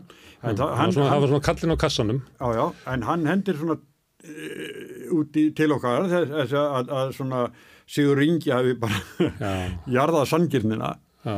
Hann er ekki hrifin af Sigurð Inga. Nei. Það er oft komið fram. og fannst, mér fannst það nú raukstiða það líka alveg ágæðlega sko. Vel, já. En við ætlum líka svona grundaldar aldrei, sko. ætlum við að stjórna samfélaginu okkur að útrú svona sanginni, þannig Mm. þessi sangjart samfélag, eða er það eitthvað sem við eigum ekki að leifa okkur, heldur eigum við bara að láta markaðinn hérna ráða Já. og markaðinn kemur bara með það Og samfélag sem við viljum og við vorum að ræða svolítið hérna Já. hvernig markaðinn hægða sér hérna aðan. Já, það er bara ofbeldi Já, auðvitað er það þannig. Ef, eitthvað má bara vaða yfir allt, þá gerir það. Þetta er þessir ágættu gesti sem voru hérna hjá okkur og Helgi Selja var reyndar mjög vel að sér í, í, í þetta skipafélag hann hefur verið að skrifa um þetta. Þannig að hér komum fram svo sem ágættar upplýsingar Já, já. en, en um leið hvað þetta er ó, ótrúlega mikil þoka samt sko. að það er nafn er ekki geti, það þarf að afla þeirra annar stað frá og, já. og en það er, það er kannski er engin, engin ástæð til að skamma samkeppnis eftir litið, Ég ég veit ekki okkur hefðin er þessi að þeir, hérna, að, þeir segja bara ekki nöfnin sko. þannig að maður þarf eiginlega að fara Já. að googla og, og, og í sumu tilfellu þá nærmar þið ekki af því að þetta er náttúrulega yfir rosalega langt tímabil og einhver var hérna, forstuðmaður innanlandsdeildar og svo var hann í landflutningum og svo fór hann yfir í eitthvað þannig að svona, og maður vill að ekki vera er bara, þetta Já, og maður vill ekki vera að segja fréttir og, og slýsast einhvern veginn á einhvern veginn miskili hver er hvað sko. Nei, nei, nei, nei, við þekkjum það. Já, ég sé ekki alveg hérna okkur þeir eru með þetta svona. En, en ég, eins og, segi, eins og við höfum sagt hérna áður, ég hvet fólk til þess að, lesa þetta. Þetta er, þetta er, já, þetta er hérna, besta, besta nóvelan, þetta er 120 síður Já, já. sem að koma út í sumar, ég held að. Já. Og er náttúrulega bara afhjúbandum Íslands samfélag. Og, og, og ég held þetta að segja okkur líka að þetta er bara eitt af mikilvægastu málunum sem við verðum að fást við. Það er það hvernig fyrirtækin, Mhm. þeir sem að fara með völdin og peningana, hvernig þau fara með það og allt tal um það að við um að að kasta ákvörðunum og einhverjum völdum yfir á markaðin að almenningsvaldið eða ríkisvaldið eða sveitafélagin ekki vera að vasast fyrir Já, já. þú veist, Eða eftirlistofnanir. eftirlistofnanir að Já, já. trubla þú veist, þetta seinir það að allur sá málflutningur er algjör steipa og það, ég, meina, ég skil ekki reynulega fólk sem er svona að kalla sig markasinna hvernig getur verið markasinni á Íslandi er það fylgjandi uh, Ólafi Ólafssoni og. Hvað, hvers konar stjórnmála stefna er það? Já, þessi kappar eru hver öðru dregnir upp úr drullinni sko. Já, og, og, sín, og fáum að sjá þá. Já, að þetta er, þetta eins er og kom fram hérna, það er ekki græmmetismálið, það er hérna Já, já. húsasmiðju, hérna, bíkomál. Og svo var hann hann með úlfurinn hérna, það, og svo var það hérna græmmetið og olían og það er eiginlega sama hvað er litið. Við vorum með skýslu núna, hérna, reyndar ekkit svona djúpa eins og, eins og þetta um skipafélagin um, um bankana. já, já. Það kemur fram að það er ekki samkynum bankana. Nei, þeir reka nú samílegt apparat sko. Já. þeir eru sama með hérna, félag uh, sitt eigi félag Já. þessi sítur eitthvað framkvæmdastjóri og eitthvað, Það er svona hagsmunageslu þarna, Nú, hvað er þetta? já, já, Það það sem að, ég man ekki hver er þarna núna, en Katri Júliusdóttir var já, þarna, já. framkvæmdastjóri. Já, já. Ég man eftir könnun sem var gerð hérna fyrir nokkrum árum. Mm.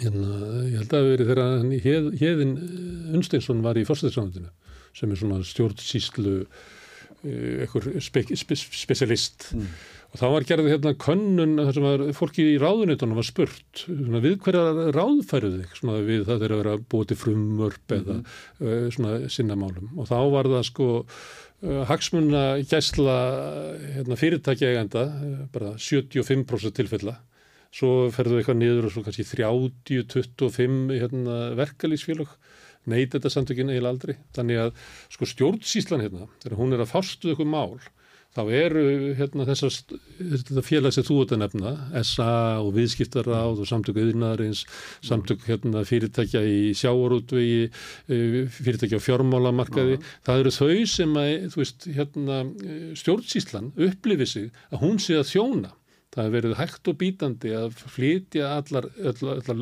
allar lög, allar reglur að kröfu þessar fyrirtækja já. undir einhverju sko ótrúlegum trúabröðum það að, að, að okkur farnist best á því að láta þetta fólk, Hmm. Ólafa Ólafsinni þessa heims, stýra hér öllu. Já, það er borgatún 35, Já, það er uppfullt af, af uh, hérna lobbyistum. Og hverja einustu hæð er fjöldi lobbyista. Já, sem er að vinna í þessu alla daga, að vinnur við þetta, Já. að hafa áhrif á, á, á lagarsetningu og stjórnvöld. og engi kvartar yfir kostnanu við því, þeir sem eru að borga þetta. Þú heyrir ekki að menn sé að kvarta yfir það er allt og mikill kostnaður í þetta, því að fyrirtækja eigendur og fjármæseigendur vita það að þetta fólk sem er að lobbyast þarna skilar þeim bara óheyrlum Nákvæmlega. Það er eitt mál sem við hefum kannski alltaf fjalla meira um sem er út af lagseldið. Það var slapp lags í gegn og nú er svona mikil umræðu um það. Já, Þar er, voru breytt uh, lögum og reglugjörðum meðal annars uh, undir fórustu Einar Skuðfissonar Já. sem var fyrirvændi ráðra. Og þetta er kallað svona ringkurð sem að í mörgu löndum hefur verið að reyna að stoppa. Þannig að ert búin að vera í pólutík og búin að búa þetta í tengslanett, þá verður þú bara að kæla þig í fimm eða tíu ár hann úti áður og getur selt tengstin inn í svona hagsmuna gæslu batteri. Þannig að með það mætti skoða það hvaða áhrif hafði ein, að, að, Einar Guðfinnsson með áhrifum sínum inn í sjálfstæðarflokkin og þar með inn í ríkistjórn í því að búa til uh, reglugerðir og laga umhverfi sem að leiði til þess að einhver norsk fyrirtæki sem eru fyrst og fremst í eigu ykkur á norskra auðkýfinga hafa eiginlega eignast alla fyrði í kringum landið og raunverulega bara fengið að hafa þetta eins og þau vilja. já, já.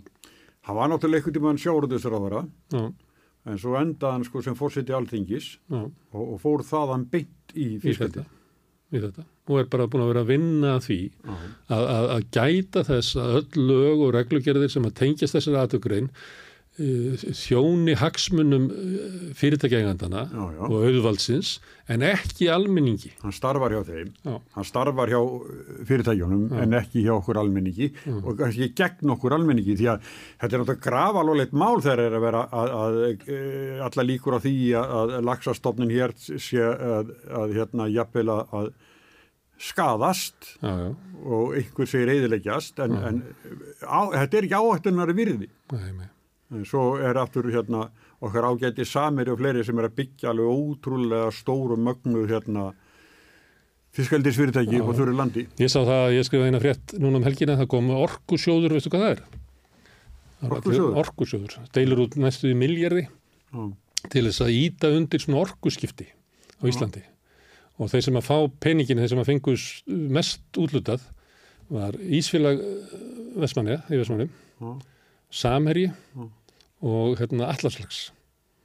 Og hvað, akkur? Það því að við, skattfíðið, þú borgar skatta hérna og skattfíðið þitt er tekið til að styrkja þessi félög. Á, með, hvaða fórsendum? Já, það var hérna Ísfélagið ætlaði að búa sér því svona rafketil þá er það líklega í tengslu við hérna loðnubreðsluna þeir eru vilja spara það, þurfi ekki að kaupa svartólju til þess að brenna þetta og að endun í þetta og setja upp rafketil í staðin þá fá þeir sko 120 miljókronar styrk frá þér. Já.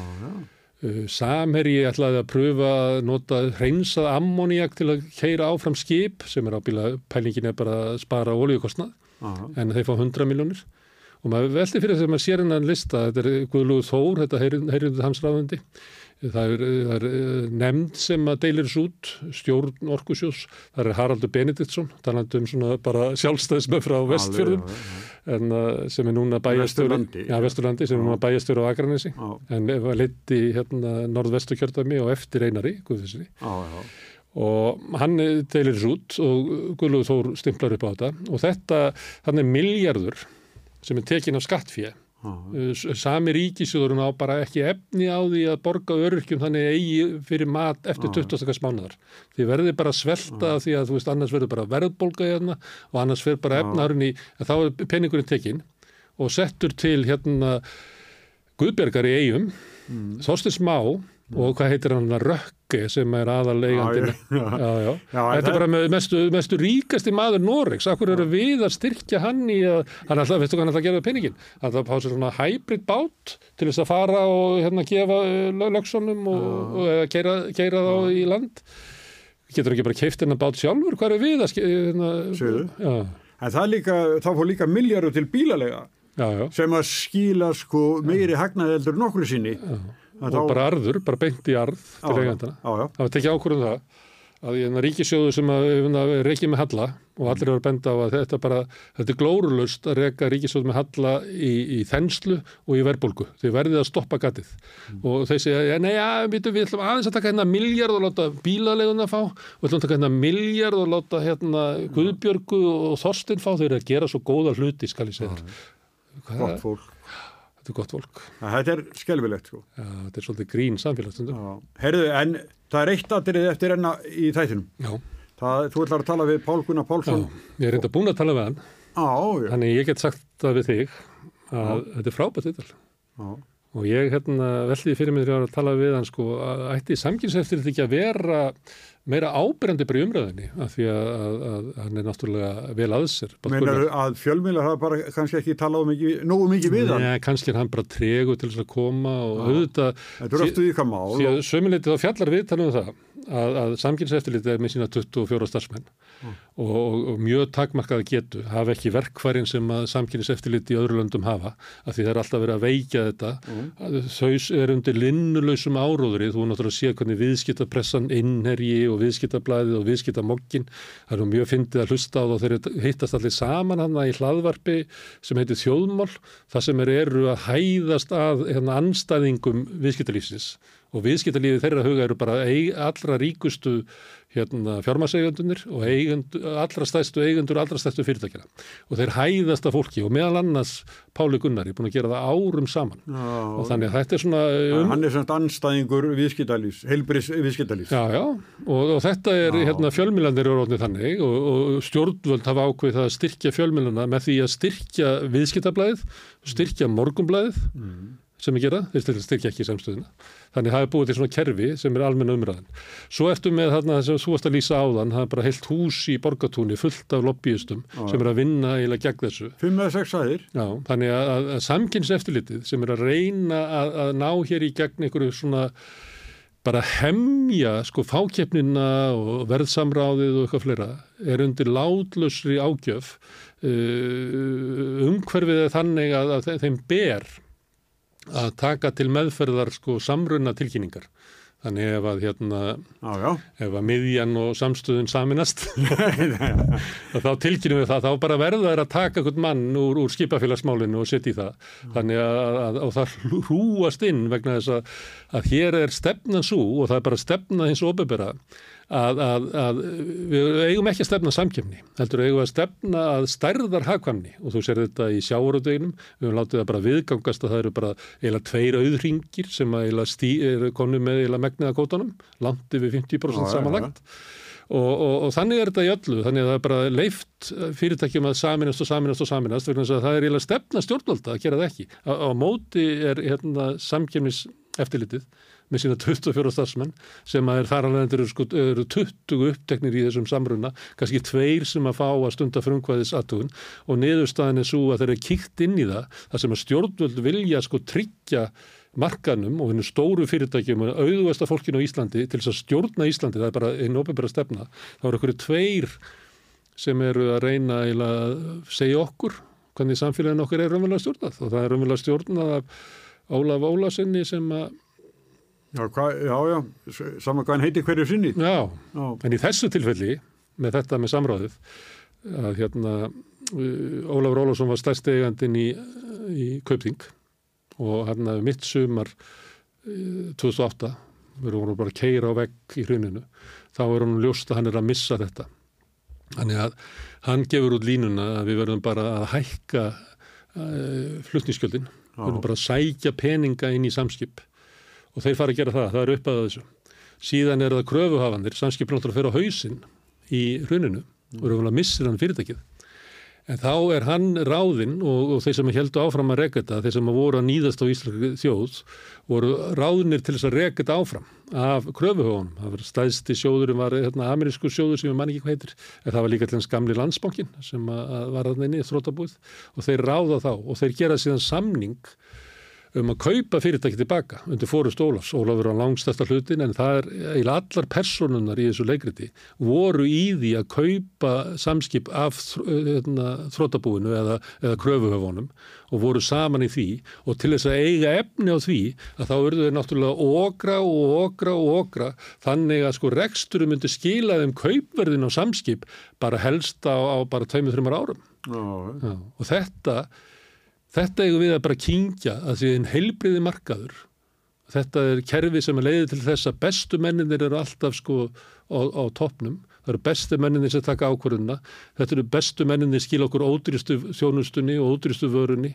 hagkvæmistu ég, ég veit ég, ég minnst að þessi skýsla verið þannig að allir markasinnar á Íslandi eiga bara að koma og áarpa þjóðun og byggast afsökunar um að hafa haldið sko kolrángri stjórnmálastefnu á já, En þetta er alveg skuggalegu lestur sem þú fórst með. Já. En ef ekki að fara þá að hlusta á fórstjóra samkynns Já, ég hérna lofaði ekki að hann segja þetta með þessum orðum en það, þetta er hérna stemmingi sem ég fekk eftir að talað við hann. Mm. Þá kemur hérna uh, Pall Gunnar Pálsson, hann er uh, hérna, forstjóri í samkynnseftilsins.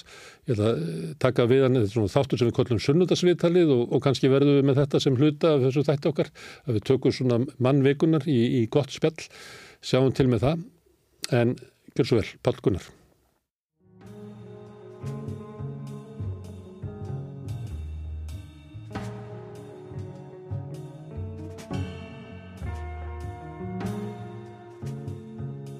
Já, hann er komin til okkar hér Pál Gunnar Pálsson, forstjóri samkynnseftilitsins.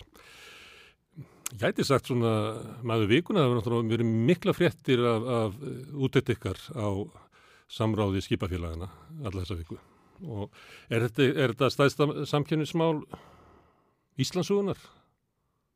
Já, hvað umfang var það? Engin vafi, sko. Svona gagnamagn og, og umfang rannsóknarinnar um, og, og áhrif málsins, það ég, myndi ég segja það, já. Og úttektin svo stór að það hefur engin lesið þetta, 15 bindi. En samatektin eh, sem er oft er svona fremst í, í skýslum, hún er 109 blössur. Já, já. Ég, ég veit nú um fólk sem er að verða búið að komast í gegnum þetta, sko. Já, 15 bindin. Já. En ég, hérna, samatektin, ég hvet fólk til að lesa það vegna þess að, að þetta er á mjög fínu máli og við erum nú að vinna hér að einna stórleikur um þjóðurinnar að lesa þetta upp fyrir okkur til þess að, að fleiri geti lesið vegna þess að það er svo algjönda fólk hvað hefur að segja, les með eironum nú orðið. Erðu en segðu mér, 13 ár sem að rannsónin tók, það ekki? Hún tók 10 ár. 10 ár. Uh, sem er haldaði fram að hún hafi hafist 2010. Já. Það er ekki rétt, en þá, þá, þá hófst ammörkuð önnur rannsókn á landflutningamarkaði. En, en síðan þegar þessi rannsókn hófst, þá áttum við okkur á því að svo aðtón byggði ekki á réttum fórsendum. Og, og hérna, þannig að málsmeðferðin telst frá því 2013. Já. Er þetta eðlulegu tími? Eða er þetta vegna þess að þið eru fáliðuð? Það eru ymsar ástæður fyrir þessu sko mm. og kannski þrjár helstar í fyrsta lagi að eins og, eins og kemur fram í ákvörðinu og líka sáttunum með ymskip þá, þá eru fyrirtækin sektu fyrir ranga á villati upplýsingagjöf mm. og, og það tafði mjög fyrir málunu. Það má segja að sanginsettildi hafi verið afvegalegt á tímabili. Uh, síðan tók langan tíma að fá sjónamið uh, fyrirtækjana og samskipa. Uh, við umfram lagaskildu skrifum svo kalla andmálaskjál þegar hérna, ílutun er möguleg. Og í þessu þar sem að kemur þá ítalett frumat fram og fyrirtæki fá ítalett það rétt þess að tjá sig og við skrifum tvö slík andmálaskjöl 2018 og 2019 en fyrirtæki samskip kusu að svara ekki hinnu fyrra og það leiði talsverðu tími þáka til að við endarlega fengum sjóna með samskip í hús, þetta hafði svolítið láhrif. Svo er það auðvitað bara eins og er réttur fyrirtækja og þá getaði borið svona ákveðna þætti málsmeðferði, jável efni undir áfrunnet samkynnsmála. Svona á leiðinni. Á leiðinni Já. og þessu tilviki fór fóru einhverjir angar málsins uh, 17 sinnum fyrir áfriðunemnd eða domstála, það er að nýju sinnum fyrir áfriðunemnd sankinsmála mm. fimm sinnum fyrir hérastóm og þreysar fyrir landsrétt og það auðvitað hefur áhrif svo, svo Það er, eru skipafélagin og einhver samskip sem hafa tafið málið Já, þetta tefur allt saman ja. Svo eru þetta bara flóknar aðtóðanir líka sko og, mm. og það er ekkit skrítið að það sé þá verið að deila ef það er ágreiningur í málnu og við sjáum í kringum okkur að, að það eru mörg dæmum að máltæki e, e, e, svona tíma sko. Mm. En, en rannsónin hún er af ykkar frumkvæði? Já, hún hefst með ábendingum frá mm. markan fyrirtæki sem að skilja ekki á hverju er ekki keftum mm. viðskipti við þau mm. Og þær ábendingar voru mjög trúverðugar og, mm. og leittu til þessa að við um, fengum Uh, úrskur hérastóms fyrir húsleitarheimild og, og hóum rannsó. Já, nú hefur við verið að ræða samkynnsmál svolítið hérna í vikunni á samstöðinni og uh, það verið bent á það að, að þið séu fáliðuð. Ég kíkti á, á heimasíðun ykkar, það var sett að setja 24 starfsmenn í sanginseftilitinu.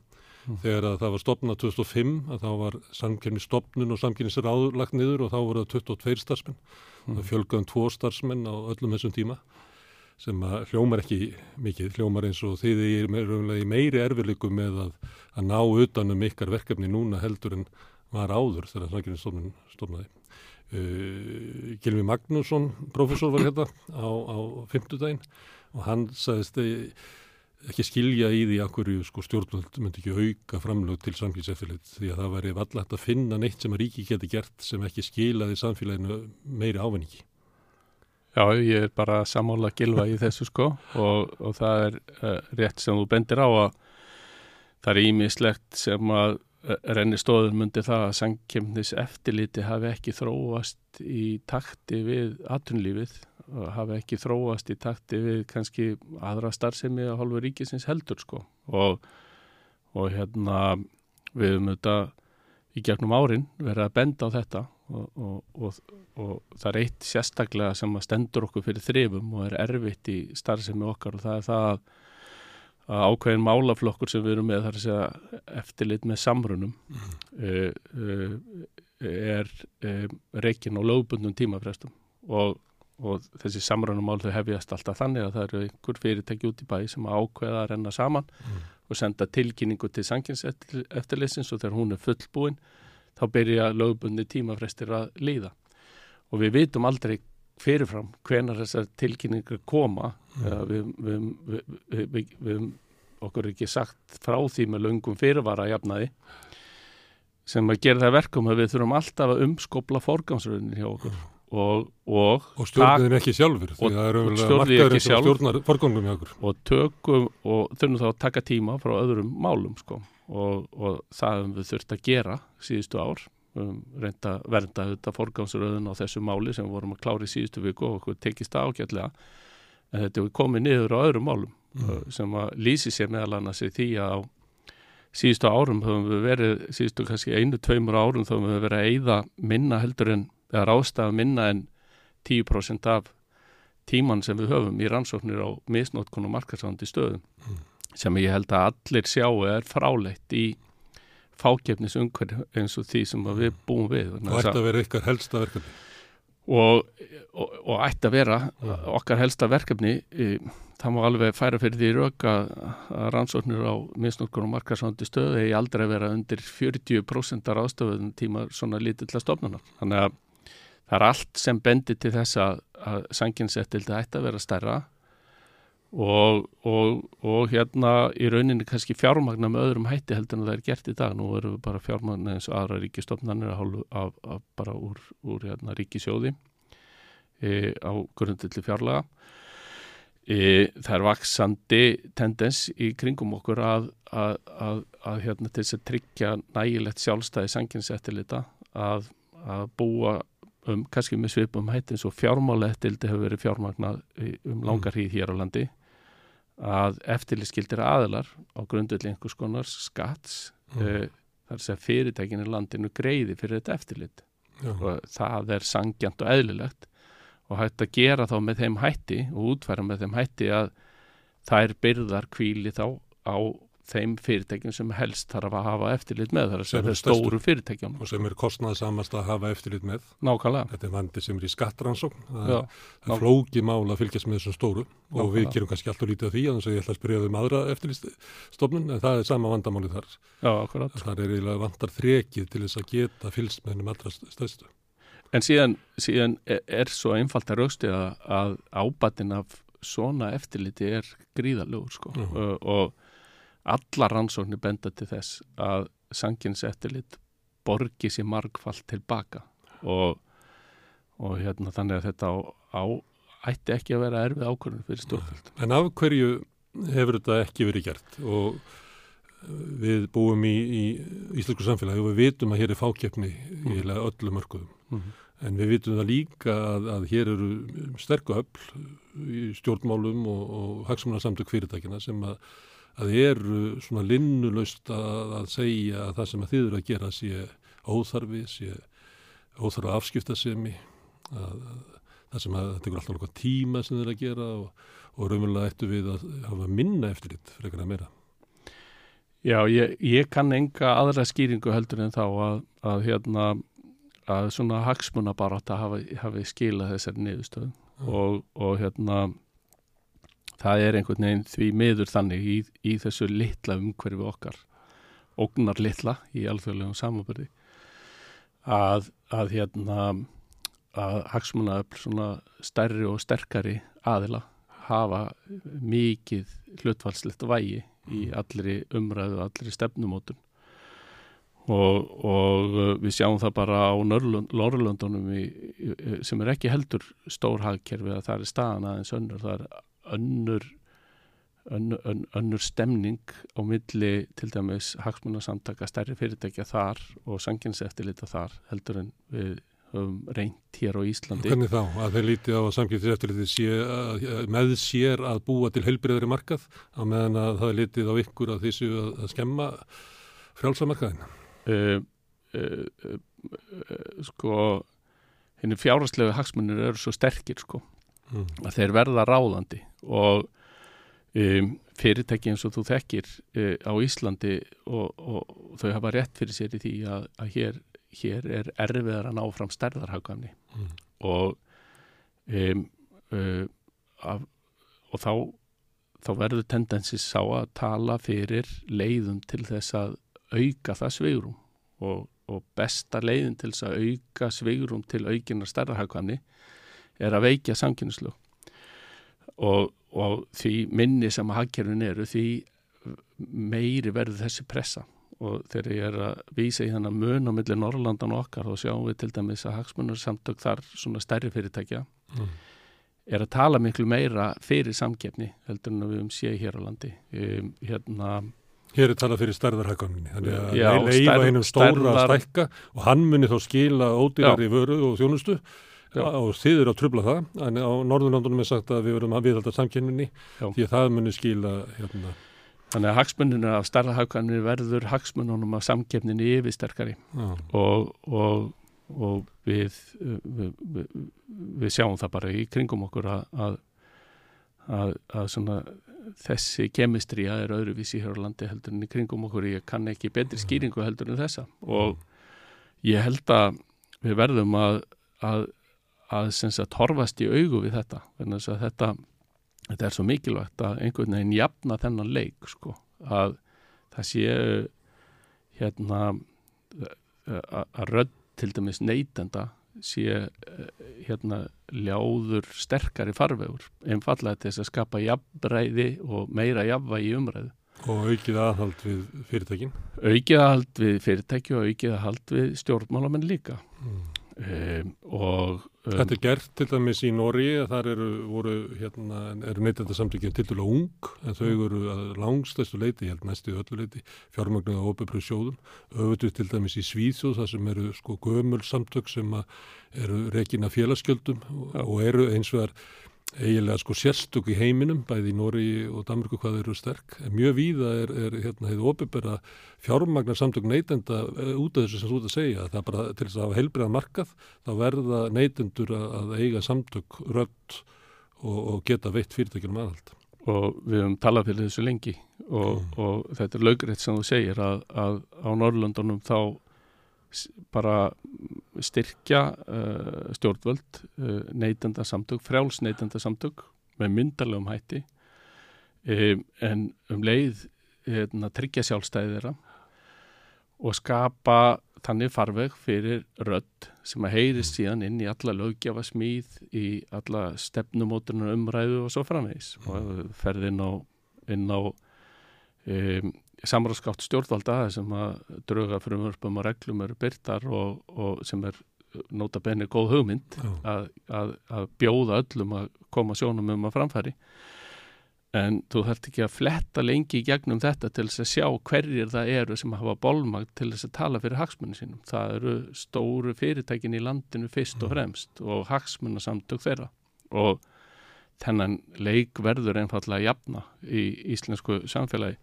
Þetta kemur niður á þessu sem vorum að tala um hérna, sanginsettiliti og, og, og öðrum almannahagsmunni líka Mm. og, og svo þetta blandast þetta inn í uh, þróun fjölmilunar á Íslandi uh, það sem að það sem að við sjáum til dæmis og ef við börum okkur aftur við Norðurlöndin Mm.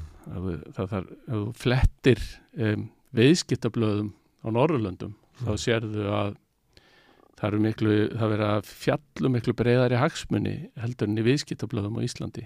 Og viðskiptablöðum á Norðurlöndum er verið að huga að neytenda hagsmunum sérstaklega. Viðskiptablöð á Íslandi eru e, með að mínu viti mjög þröngan fókus á e, hagsmunni fjárfesta. Hagsmunni já, svolítið bara hort út frá sjónarhóli sjóðstjórans. Að vera að horfa á hérna arsemi fyrirtækisins uh, hampa þeim sem að græða mest og svo framvegis en, en lítið vera að horfa á hagsmunni neytenda af til dæmis eftirfylgni við reglur og, og, og samfélagslega ábyrð og svo uh, endalösa fleiri hluti sko. Og það er tónnin í viðskiptablaðinu, innherja viðskiptablaði morgublasins. Það er að til dæmis samkynnseftirliti sé, sé fyrir og, og það hefur verið gaggrínt meiri segja sko skýrsla fjármórta eftirlitsins um, um Sólun og Íslandsbanka, ríkisendurskoðanar um bankasýsluna. Eða það er gaggrínt uh, í öllum tilfellum þar sem að ríkið virðist vera að beita sér svona fyrir í almanna þáu frekar heldur en hagsmunna sko fjárfesta. og í sunnum tilveikum er það einfallega þannig að, að, að það eru uh, hagsmuna öll sem eiga þessa fjölmila, svona hagsmuna öll stærri, sterkari fyrirtækja og tala alveg umbúðalust fyrir hagsmunum þeirra tilteknum fyrirtækja. Mm. Þannig að stundum er erfitt að gera greinamun í okkar starfi á því hvort það að við komum til fjölmili er að er, er beinlínis hagsmuna aðili eða fráls fjölmiðil. Sko. Svo eru þeir með svona skoðanadolka og ráða svolítið á því svona persónulega. Tala um að þú hefði settið alltaf lengi og, uh, og sérst að stýra þessari stofnun íla. Já, já, og, og það er bara í fínulegi að hérna... Þú betur vel fá kannski ykkur aðra rættir í umræðina aðeins á móti. Já, og uh, svo væri líka viðfeldi bara að hérna fólk kemur fram undir nafni, það er oftast heðalegast, sko. Erðu, þú, hérna er stuðning við neytendarsamtökinn, það er í stjórnarsáttmálunum að ég að styðja samtök neytenda. Það er ekki hins vegar mjög sínleitt að þessu að gera það. Neytarsamtöki voru 70 ára fyrir árinu og þá kom Lili Alfredsdóttir í ammalið og, og færði þeim þrjár miljónir sem að mér finnst lág upp að miða við það hvaða verk neytarsamtökin er að gera og það afl sem er í samtökunum núna og hvað þau gætu gert þau fengið meiri penning. En í stjórnarsáttmálunum líka á, sagt, klausa um að það eiginlega leggja neyður uh, samkjörnuseftilitið, stofnunina þína, samina inn í eitthvað annað Eh, landsfundur sjálfstaflokksins síðastlega haust samþykti að þetta samin hérna, samgíseftiliti við neytendastofu sem að myndi þá þýða að, að þitt starf veriði lagt niður og auglist á eh, starf nýs fórstjóra nýju eh, nýri stofnun. E, lítur á þessa hugmyndur um, um að stokka upp samkynniseftilitið sem svona hluta af þessari svona ákjefð hagsmunnaðila um að gera ykkur breytingar veikja samkynnseftilitið.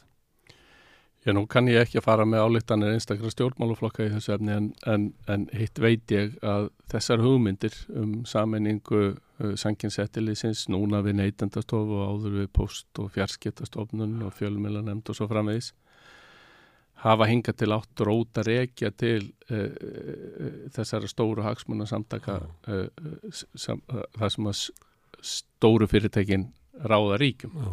Þetta er, þetta er fyrst samtíkti á SA og síðan hjá sjálfstafloknum og síðan tekið upp í ríkistjórn og síðan fyrir þetta gennum ekki. Þetta er svona leiðin sem að svona hugmyndir fara. Já, það er minnstu kosti þannig að, að það, það er mjög ofinbert að það eru þessi hagsmannasamtök, stærri fyrirtækja sem er að tala fyrir þessar leið. Svo, svo kann ég ekki að reykja hvernig stjórnmálaflokkar nákvæmlega hugsa þetta. En, en um, frá sjónarhóli sanginsettilisins uh, þá er öll umræða um hvaða umgjörð er best fyrir sanginsettild á Íslandi bara af hennu góða, svo fremið sem að hún er ekki reygin af hálfu þeirra hagsmuna aðila sem að eins og við tölum um áðan mm. eru kannski að setja stærðarhagkvæmni uh, á oddinum fram samkjafni mm. og, og um, uh, það eitt veit ég fyrir víst að svo breyt sem, breyting sem var gerð 2005 þegar sanginni stopnun sem hafði líka með neytendamál að gera Já. var uh, uh, skipt upp og, og, og sanginsettiti var til uh, þá var tilgangurinn með þeirri breytingu ekki síst að styrkja sanginsettilit með því að hér væri stopnun þó lítilværi sem að hefði fókus á sanginnismál og sanginnislaugin og, og samkeppnistækin og gæti ekki hort fram hjá því mm. og ég held að þessi fókus í okkar litla samfélagi eh, hafi reynst vel og sé gríðalega mikilvæg framhávið mm. en falla vegna þess að, að ef þú ferð að blanda eh, sankemnismálum og eftirfylgni við sankinslög sama við einhverja aðra ólíka eða skilda, skildverkefni þá drefur þú fókusnum Uh, uh, forgangsröðunin verður erfiðari og uh, stjórnendur eftirlýsins kunna vera neittir til þess að, að, að leita einhverja annara leiða heldur en að fara í erfiðar mm. hérna, samkynnsrannsóknir, erfiðar og óvinnsælir eins og, eins og við sjáum bara að, mm. að þessar rannsóknir eru í litlu samfélagi eðlimálsins samkvæmt viðkvæmar og óvinnsælar og, og hérna uh, þess vegna er að mínum viti mjög mikilvægt að við séum hérna með samkynnsettilit sem hefur ekkert annað verkefni og getur ekki vikist undan því að sinna því. Mm. og eh, svo má alveg hugsa sér e, samstarfið aðra stofnanum í einsum hætti og það hefur sanginsettið lagt sér eftir að gera. Og það er eitt sem að má ekki gleyma í þessu að í okkar litla samfélagi er rosa mjög mikilvægt að að sanginsettið til sinni þessu hlutverki sem kalla advokasi á, á hérna ennsku og, og lítur að því að vera málsvari sanginsla og hafa bólmagn og, og börði til þess að segja öðrum stjórnvöldum líka til syndana, e, benda þeim og leiðir til þess að til þess að auka samkjöfni og það er bara hlutir sanginsettilsis mm. og eftirlitið, ef eftirlitið hluta einhverjus batterið sem eru alls konar önnur verkefni þá getur hérna, þetta hlutur líka orðið óljósara og, og, og orðið til svona innri aksmunabarata í stærri stofnum. Þannig að að mínu viti er best að vera með sanginsettilit sem að liggur miðlætt í stjórnkerfinu og hefur bólmagn og fókus til þess að hérna, vera í samstarfi við eh, aðra stofnanir eins og eh, okkur hefur reynst mjög vel að vera í góðu samstarfi við, við núna fjarskiptastofu áður post og fjar fjölmilanemnd eh, orkustofnun, seðlabankan og svo auðvitað líka neytendastofu, livjastofnun við erum í tíðum samskipti við all, allar þessar stofnanir. Um, hérna og, og þurfum að leggja miðlagt til þess að geta sint hlutur ekki okkar mm. Þannig að þú myndir freka vilja sjá eblingu samkynnseftiritsins, skýrari fókus á það, venda hérna, þann hluta sem á að vera með frumkvæðisrannsóknir, mm -hmm. uh, hugsanlega að vera með sjálfstöða tekjustofna, fara einhverja slíka leið til þess að ebla og styrkja hérna, samkynnseftirlit. Svo ég vitni nú aftur í Guðmund Magnússon sem er eiginlega bara eitt af því mikilvægast sem við þurfum að gera í samfélaginu til þess að mm -hmm. Bara bæta kjör og lífskjör og bæta samfélagið. Þannig að við horfum upp á það og það efast enginn um á Íslandi að það er fákeppni eiginlega á öllu mörgum. Og um leið að, að hérna að sko stöðla því að, að stofnarnir geti starfa saman sko. Mm. Og eitt, af, eitt annað umdelt verkefni sem við erum með er, er að við erum að skoða stjórnar eignateinsli í Íslensk og sjáarútvegi. Mm og uh, í, þeim verkefnaflokki erum við að, að tala fyrir því að þessi skynsalett að, að stofnarnir sem að þurfa að hafa upplýsingar um stjórnum eignum teinst vegna sinna verkefna eins og til dæmis fiskistofa, mögulega seglabankin mm. og fleiri aðilar starfið saman uh, við séum að samnýta til dæmis upplýsingarkerfi uh, þannig að, að hérna, það fáist bæði spartnaður miðlun og þekking og reynslu og þannig geta sjálfstæði stofnarnir starfa saman og elvst. Mm, að þú nefnir þetta verkefni að þá, þá þegar við erum svolítið að tala um svona gaggríni hinn að sterkum mm -hmm. í samfélaginu að þá er þetta verið gaggrínd að, að, að þið séu að sinna þessu samkvæmt bara fyrirskipun matalaráðara í öðru lagi þá setja algjörlega tilgáðstöks rannsók því þið getur bara farið inn á kelduna eða e, fyrirtækjaskráðin í RSK og síðu þetta Mm. Þetta sé ykkur svona pólitískur leikur sem maturar á þeirra, þar sem þið eru að láta nót ykkur. Já, það er einfallega ekki rétt sko, þarna lístur saman taumur hlutverkum eftirlýsins, við höfum skýra heimild og hlutverk til þess að skoða stjórnarregnum tengsl, samkvæmt djeli fyrstum álskunar áttundu greinar, sanginslaðana og skrifum það skýslur. Næsta undan þessu hlutverki í sélið er hérna hlutverkið að, að benda stjórnvöldum að leiði til þess að bæta sangjarni. Eh, þessi skísla sem er núni í smiðum eh, á, á að geta hérna, stöðlaða hvora takja. Aukin yfir sín yfir stjórnum eignateinslum í mjög mikilvægri atvinnugrein mm. og uh, ábendingu til stjórnvalda um leiði til þess að bæta samkjefna á þessu sviði og, og um, það er þannig að um langt skeið þá er sanginsettildið í úrlausnum sínum aðalega í samrunamálum bent á að það séu vísbendingar um það að eigna tengsl í sjáarútvegi séu meiri heldur en mm. e, heldur en kannski hefur verið gerð fullkomlega grein fyrir og sem að kunni þá að leiða til þess að að, að, að, að hámörk afla heimilda sem að hérna er hveða ám í fyrst hveði stjórnulögum líti aðeins öðruvísi út heldur en, heldur en hérna heldur en hefur verið uh, svona um, alkunna. Og, og, og við höfum uh, uh, hafið svona rannsóknir en ekki náða að halda þeim áfram að falla út af fjárskorti. Mm. og þegar að síðan ráðuniti matarálandi fer að spyrjast fyrir um hvað upplýsingar við höfum um þetta þá bara segjum við þessa sögu eins og hún er og ráðunitið ákveðuð uh, í samræmi við hlutverk sitt að uh, búa svo um nútana að á málefnasviði þess hafi eftirlistofnarnir bólmögn til þess að sinna því sem að þau uh, höfðu hugsað sér að gera. Mm. Þannig að það er ekki þannig að sanginsettið það að veri kift til eins nýjan eins. Uh, þetta er aðtúin sem að eftirliti hafði ráðgjert Mm. en ekki komist í. En, en með því að fá fjárveitingar sem að eða fjármagn sem að ráðniti hafi heimil til þess að ráðstafa til okkar þá gáttu við flýtt þessar aðtún og búið svona út hana þá hún nýtti stjórnvöldun líka Mm. Þessi geiri í sjávarúturinn er náttúrulega mjög skýrt dæmi um það sem að sko stærðarhagkvæmnin uh, hefur svolítið verið látin ráða og hefur farið þessi 12% um hámasabla hlutild og það er hort í fingus yfir ímsa hluti Mhm. af því að þessi trúmanna að í stærðarhagkvæmninni líki ykkur þjóðhagslegir hagsmunir eh, sem að einhver geti sagt sem svo að það séu stórlega ofmetnir því að stærðarhagkvæmin hérna skapar oft meiri arðsemi fyrirtækina sem að þýðir ekkit annað en að eigandunni geta dreigið til sín meira fíu upp úr ekstrinum, þetta er áður var í sjálfur sér fyrir þjóðina skiptir það einhver máli þótt að sem minni arðsemi því að þá eru kannski bara launinhærri eða eitthvað kostnaði sem er greittur út í samfélagið og getur verið samfélagslega alveg jaft örfandi fyrirtæki sem er með minni arðsemi.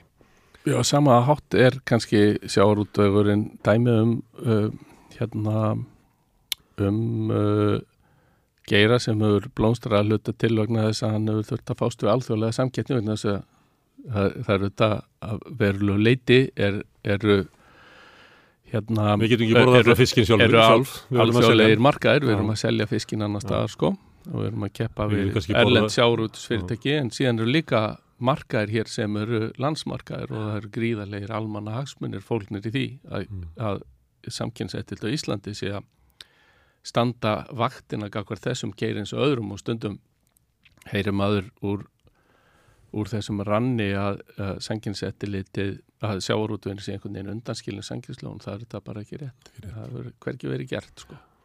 Herðu, má ég spyrja þau um uh, tæki ykkar í samabörðu við það sem er, er hérna bara í næstu löndum eins og í, í hérna Skandinavíu. Er eitthvað þar sem að, að stofnun eins og ykkar hefur sem að þið hafið ekki? Já sko, ef, ef við horfum bara á svona evróska efnaðsvæðið og þá, þá uh, eru uh, uh, stefnumótun sem að lítur að því að ekki bara stefnumótun heldur líka tilskipun hjá Evropasambandinu sem er ekki orðin partur en þá af uh, EE-samninum en vonandi er á leiðinni sem að gengur út á það að styrkja sanginsettilit, gengur út á að tryggja meira fjárhastlegt sjálfstæði gengur út á það að samrama betur til við stjórnvaldssektor og varnar áhrif sem að þeim hljótast og gengur út á hvað það merkir það að, að- að samræma stjórnlagssektor og varnaðar uh, sem að, að þeim hl- lýst? það er mjög mismunandi á milli einstakara landa innan Evrópska efnaðsæðinsins hvernig uh, uh, hérna, sektum í sanginsmálum er háttað Mm. og í um, kannski tveimur tilvikum þá það voru ekki einu sinni stjórnvaldssektir heldur uh, sektor og grundvelli uh, hérna refsilaga sem eru erfiðari í framkvæmt þannig að um, uh, það var ákveðið að nú degði ekki lengur að við varum með svipar eða sömu efnisreglur heldur þyrfti líka framkvæmdina og þeim að vera samræmdari. Og það var mismunandi sekta pólísi, pólísi eða stefna á milli Mm. landa og þessar reglur, þessi nýja eh, tilskipun gengur út á að samræma þetta sem að mun að jafna í leiða til þess að sektir verða hærri Mm. hvernig þess að reynslan er svo að, að, að það þarf til dæla háar stjórnvarsetti til þess að það skili þessum varnaráhrifum og varnaráhrifum felast í því að fyrirtæki sem er hluteiga e, sjáu að það borgar sig ekki að gera þetta aftur en líka að fyrirtækin e, e, sem að horfa á þetta og fylgjast með bara önnur fyrirtæki hér í landinu e, fái þá sömu tilfinningu að það borgi sig ekki að, að brjóta sanginslu og Þegar að, þegar að sektinnar hækka, þetta er kannski Já. ekki staðan sem að hefur verið ég man, ekki dæmis og, ég man ekki hvað símin eða fengið marga sektir sko Já, um tíðina, það er eins og það ég kann ekki að meta það hvort það sé fremja sömu brotin en það er bara það er bara uh, endalus mál sko. Já, þú getur fara heima síðan hjá sanginsettfjöldunum undir árskíslu fyrir 2021 og þar sérðu yfirlit yfir stjórnvalsektir Já, eh, bara frá upphafi á Íslandi og þá sérðu það dukka upp í nokkrum tilvikum sömu fyrirtækin oftar en einu sinni. Það er að okkar vitt og það er sagt það er vísbendingum það varnar áhrifin af sektum hér á landi hafi ekki verið nógu mikil. Og, og við höfum sagt kynntum það síðasta haust að við hefðum í hyggju að taka upp leiðbynningar um útrýning á, á hérna stjórnvalsettum hér á landi sem við höfum ekki tekið upp ennþá sem eru þá hliðstæðir eða sama efnis eins og hjá Evropasambandinu eftirlistofnun eftir og um, ef við beitum þeim uh, að þá myndi það leiða að jafnaði til herri stjórnvalsetta og þá meiri varnar ára herðu, aðeins varandi tæki sem að hinir hafa en, en Akkurat, þi- sko. ykkur langar í. Eh, þessar reglur eru líka kveða um lámarskröfur um tæki og tól sko. Og ef, spegl, ef við speglum okkur sanginsettildu Íslandi og stjórnvöld hér í þessum í þessu umhverfi þá að mínu viti ljóst að, að það þarf eins og vorum að tala um að auka varnar áhrif sekta. Mm. Það þarf að, tryggja betur fjárhastlegt sjálfstæði sanginsettilisins að það þarf líka að tryggja betur að við höfum- öll tækju tól. Og þá á ég helst við það að hér á landi og, og það getur verið að við séum eina landið eftir sem er í heiminum að okkur er bara heimilt að fara í húsleit á sagt, skrifstofu eða sagt, heimilisfangi hérna fyrirtæki sem við getum til dæmis ekki farið heim til stjórnenda. Mm. Eða annað sem að við teljum að hérna gagnarna sé að leita. Mm. og þú getur ímyndað þér hvað það er hamlandi. Uh, tala ekki um núna eftir COVID þegar fólk er farið að vinna heima og svo framvegis. Uh, þetta er algjörlega óbóðlega staða og sanginsettildi hefur ítrekkað á, á, á all mörgum liðnum árum bent á þetta en ekki fengið sko. Og mætt anstöðu þá frá hagsmunarsamtökum í aðtunlífunu hagsmunar stærri fyrirtækja og þetta þarf að laga. En svo búum við vel að einu leiti þar að segja að við erum með svo kallar markasásunar heimild sem að uh, skapar okkur möguleika á því að grípa til aðgerða uh, uh, vegna samkynnshamlandi aðstæðna. Þó að einhver tiltekin fyrirtæki hafi ekki brotið af sér. Og þetta er heimild sem er að breyða svolítið út um veröldina og, og er til umfjöldunum til þess að Norrlöndunum að taka upp Var ekki, En- til, var ekki frumvarpa sem átt að taka þetta af ykkur Jú. þessa heimild? uh, aftur, hérna hagsmannarsamtök stærri fyrirtæki hafa barist mjög uh, ödurlega gegn þessari heimil gerðu það bæði í upphafi og síðan freistu þess að fá hana út aftur um, eh, 2020 Mm. Og- Og þetta er heimild, það, það var að vísað í það, ég man eftir í greinagerðum að vísað í að þetta væri ekki hér og ekki þar, Já, þess vegna væri óþæra að þú væri með þetta, en þú ert eiginlega að segja að, að þetta sé frekar öfugt að þetta, þessi heimild er að koma víðar inn. já, hún er að breyðast út sko, það, hún er til umfjöllunar held ég í, já, í flestum Nor Norrlandunum, hún er komin í Þýskalandi og svo víðar en við tókum hana eiginlega upp Íslands stjórnvöld hér á grundvelli eh, fordæmis frá Breitlandi þar sem að þessari heimild hefur verið beitt með mjög um, hérna, áhrifaríkum hætti um langt skeið. Mm. Og svo hefur við nefnt að efla hérna, stöðu leyenda og leyendasamtökin hafa bent á að efla réttastöðu leyenda, hérna, me- meiri mögulegur á hópmálsókn, þannig að það veri svona réttastaða neytenda þegar það er brotið á sér. Eins og til dæmis segjum að, að þetta mál fari í gegn með skipafélagin, að það var náttúrulega augljós skadi sem almenningur orðið fyrir, en mjög óljóst kannski hvernig almenningur getur sótt sér einhverja skadabættur út af því.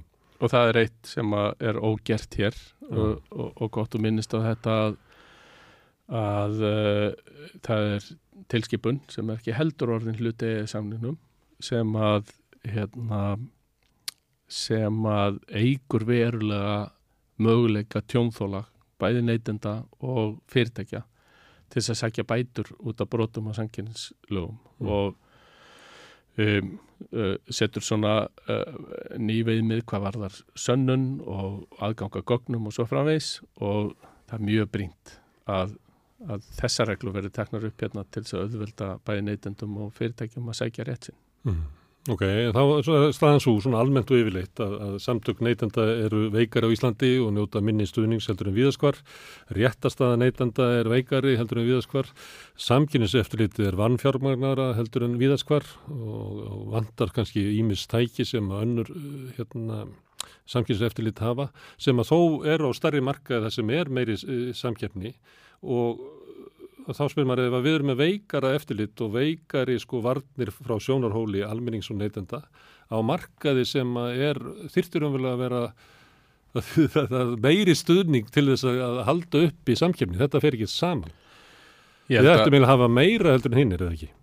Uh, jú, að minnstu hvað stegi alveg jafn mikið sko. Og, eh, og hérna það hefur marg oft verið bent á að uh, í fákjefnisumkörfi þá er uh, auðveldara að brúta lögin uh, það er auðveldara að koma á ólumöndu samráði þegar fáir aðlar eru keppa. Svo er þetta til þögul samráð eins og, enn einu sunni í hann Gilva Magnarsson sem er að tala um það að, þú þart ekki að hittast í öskilhiðinni það, það vita allir að, að hérna, við erum í samkeppni að þá er betra fyrir okkur að bara láta verðið hækka hægt og bítandi og sætt okkur við markastlutildina og taka bara meiri Eh, peninga upp úr markanum heldur en ef að ég fær í samkynni við þig og, og, og hérna myndi skerða sko framleiðina mína og þar hundur gottunum. Þetta veit allir sem búi í Íslandi. Þetta er sömulítið þá bara gengur þetta því þetta bara, þetta bara er svona.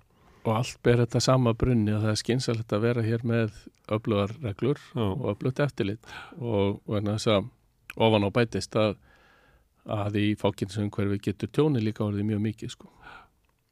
Já, sem allir vita hér. Já. Hér er bara verðlag mjög hátt og svona, ég held að sé, ég held að sé ekki að, að, að vera eitthvað dramatísku þegar ég segja, ég held að sé bara almenn tilfinning eh, íbúa hér að hérna sé bara okkurland, við búum í okkurlandi.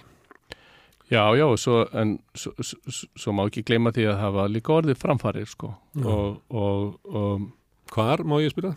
Já, ég menna, þegar við vorum ungir þá, þá hérna, þá var engin samkeppni í fjarskiptum til dæmis. Það er það er þó komin samgefni í fjarskiptum þó hún sé ekki fullkomin. E, ferðarþjónustu á Íslandi væri ekki með þeim hætti sem hér er núna. Ef ekki væri samkeppni í flugi til og frá Íslandi og ef ekki væri samkeppni í... frá einlendu og meðlendu flugflugum já, já, og svo samkeppni væri ekki til Nei. öðruvísi heldur en að við værum með samkeppnslögin, það er alveg á borðinu.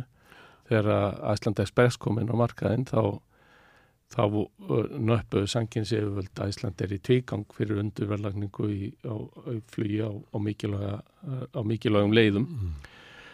og uh, misnótkunum markarsandi stöðu uh, hérna uh, vallar afgriðslu fyrirtækisins þeirra, mm. dótturfélags uh, gagvart minni keppinuti um, samkynni flöðagarslu skiptir mjög mjög máli. Góðdæling á slottonum, það var, uh, var rýmt fyrir nýja aðilanum, eða ekki? Það, er, það var vandamál sem við reyndum að leysa en náðum nú ekki að leysa eins og við hefum viljað sko.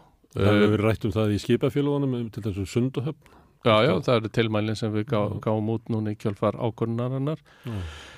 Það hefur ímislegt áennist í, í hérna dáverumarkaði. E, það væri öðruvísi umhors ef að ef að stóru aðiladnir á markanum uh, uh, væri ekki með aðhald frá banninu við misnótkunum markasandi stöðu mm. hérna, við hefum hérna, segt að haga fyrir hérna, undirverlæningu og svo framvegis og það hefur, það hefur haft áhrif. Og jáfnveil á fjármálumarkaði hafa senginsekli líka haft áhrif. Um, uh, það búið að taka til á greiðslukortamarkaði. Þar var rótgróið uh, alvarlegt samráð um, mm. 2006 og sem að náðist að uppræta um, bankarnir sektaðir fyrir ólumætt samræði tegnslu við hérna milligjöld í korta viðskiptum og svo framvegi sko uh, um, um, langt skeið var reynistofa bankana aðgámshindrun uh, fyrir nýja aðla komin á markaðin en er það ekki með sama hætti dag meðal annars út af skilurinn sem að uh, sankinn setti litið setti.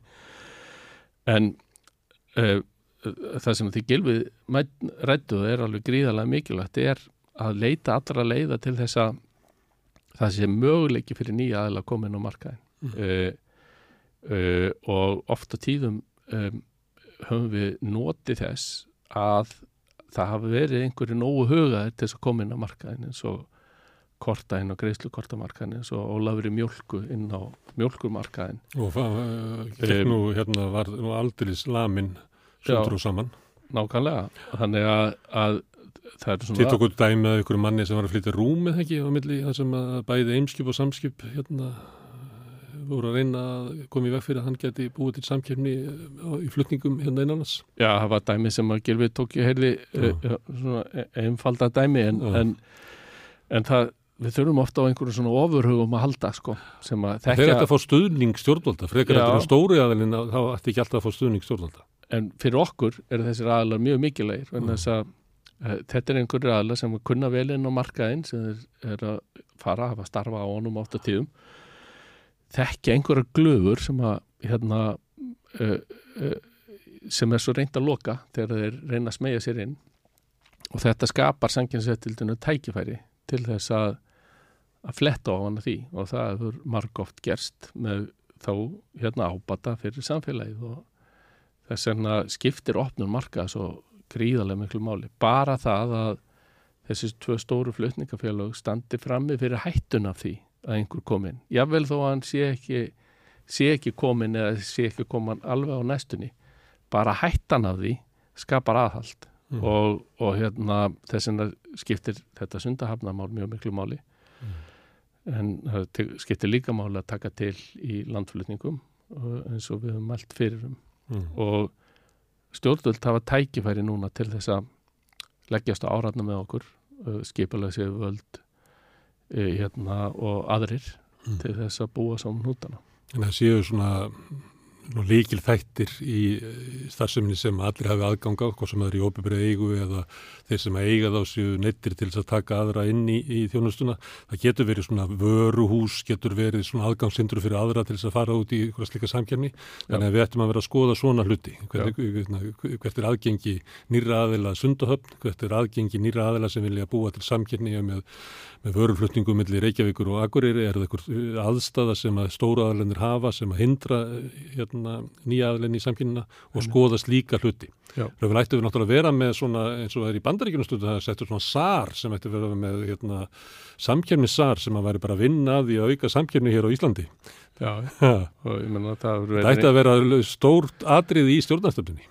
Já, og svo, svo, svo meðum ekki gleyma því sko að, að hérna, þó þessi hagsmunabarta sem sé í gangi uh, hérna, sem að kannski svona stærstu fyrirtæki standa fyrir, þá er þorri fyrirtækja í liði með Ha, samkeppninni og það sést til dæmis að viðbröðum félagsatunurreikanda við þessu síðasta máli og svo framvegs að, að hérna, Eða við, eða má ég þá segja, og viðbrasleysi samtaka aðlýsis.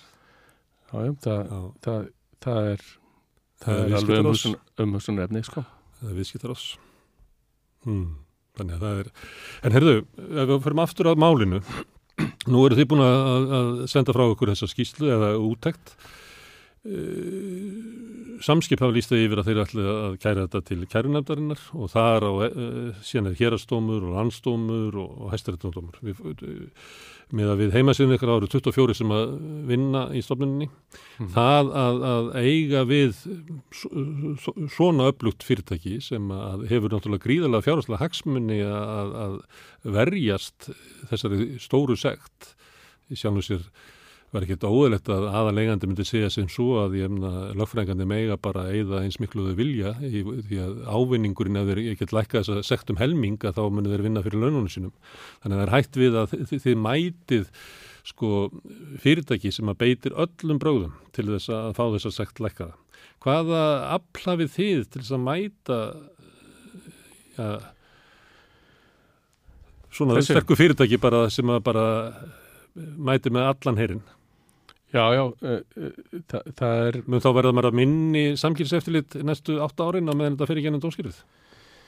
Það verður bara að koma í ljós sko uh, en, en það er alveg það er þetta þannig að uh, mun þurfa að vinna þessu máli áfram og, og vera til svars um sínar gerðir og það út af fyrir sig er ekkert sem að sanginsettildið per se kvartar yfir sko. Það er þetta réttur fyrirtæki að láta reyna á, á úrlausni sanginsiðvalda og þannig auðvitað móta samkynsirétturinn líka smátt og smátt og við höfum mjög, við höfum þetta reynd í eldi hvað þetta varðar, Mm. mm. hvert málið að fætur öðru hefur farið alla leiðina upp í hæstarétt sko, núna síðast uh, mjölkurmálið og uh, bíkómálið og svo framvegis og, og þetta er bara eitthvað sem við kunnum ágætlega Þið hefur svo litla svona en, sossa en, sko. en, en þ- það á bara það sama við í þessu eins og öðru sem við höfum verið að ræða að það er ekkit sérstaklega mikið jafnvægi í samfélaginu hvað þetta varðar Mm. um, um, hinn er fjársterku þetta eðlumál sem sangkant hafa hafa afl Mm. til þess að verja hagsmunni sinna langt umfram hina sem að eru það ekki sko. og meira heldur en ríkisvaldið í þessum tilfelli. Framkvæmta armur al, uh, almannavaldsins og þar með líðræðisvettálsins. Já. Herðu, ég, ég heyrði áðan að, að þú ert ekki einn af þeim sem að lappar heim á kvöldin og finnst þér verið að vinna tilgangslu starf. Þú taldir upp hérna, eitthvað sem þú getur metið sem ávirðing af starfi í samkynnseftilitsins og þar með, þar með þín. Eh, Þú er búin að vera þarna í síðan 2005, 18 ár. Mhm. Uh, myndur þú vilja að vera áfram í þessu starfi? Ég tek bara einn dag í einu sko og það stundum talað um að hérna, ég sé búin að vera á lengi og ég bara ber verðingu fyrir því sko en ég býr endar svo vel að, að, að um, uh, í sanginsettildinu starfar stjórn sem að er þryggjamanna stjórn uh, og þrýr varamenn sem að líta yfir öxlina á mér að hafa þar hlutverk að, að hafa eftirlit með starfsemi, uh, daglegri starfsemi eftirlitsins og taka þátt í á, stæstu ákvörðunum þannig að, að mér sem forstjóra bera, bera undir þessa stjórn til samþettara sinnunar e, e, hérna meiri hátta mál eins og til Mm. dæmis sektir og, og gilding og samrunum og svo framvegis. Þannig ég þarf að standa þessari stjórn skil og gjörðum mínum uh, oftar en einu sinni í mánuði og ég hef starfað með uh, nokkrum stjórnum, þetta eru stjórnum sem að hafa fjögur ára skipana tímabil Mm.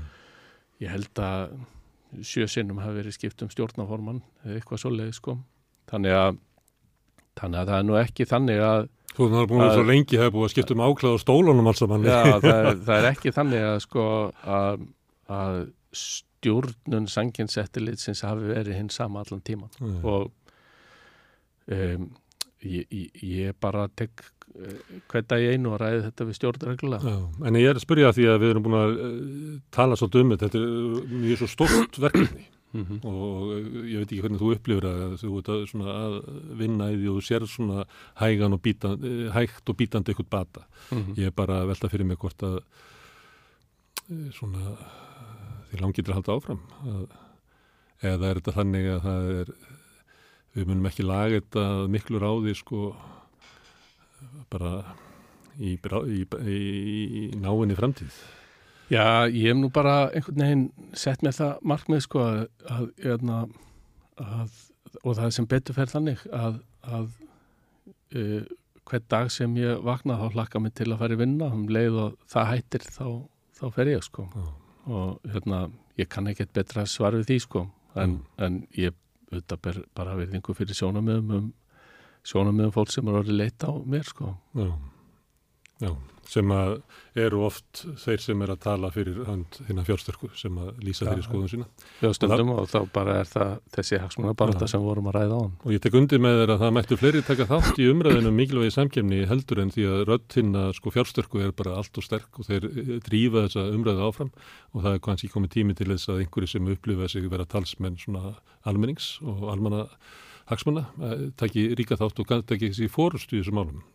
Og stjórnvöld hafa tækjafæri til þess að hérna, gera eitthvað í þessu Já. með þeim leiðum sem við höfum rætt hérna Já, herðu Gunnar Páll, Páll Gunnar fyrir ekki, kæra þakkir fyrir að vera hér fyrsti gesturinn okkar í viðtali, sunnundarsviðtalinu. Takk fyrir. Og þetta eru lokin á þessum nýja þætti sem heitir Sýnir Egils og er hér á samstöðinni á sunnundugum. Næst verðum við hér klukkan 12.40 strax eftir hátíðsvettir í útvarpinu á næsta sunnundag. Ég þakka gestum okkar og þykkur sem að hlustuð kærlega fyrir. Takk fyrir í dag.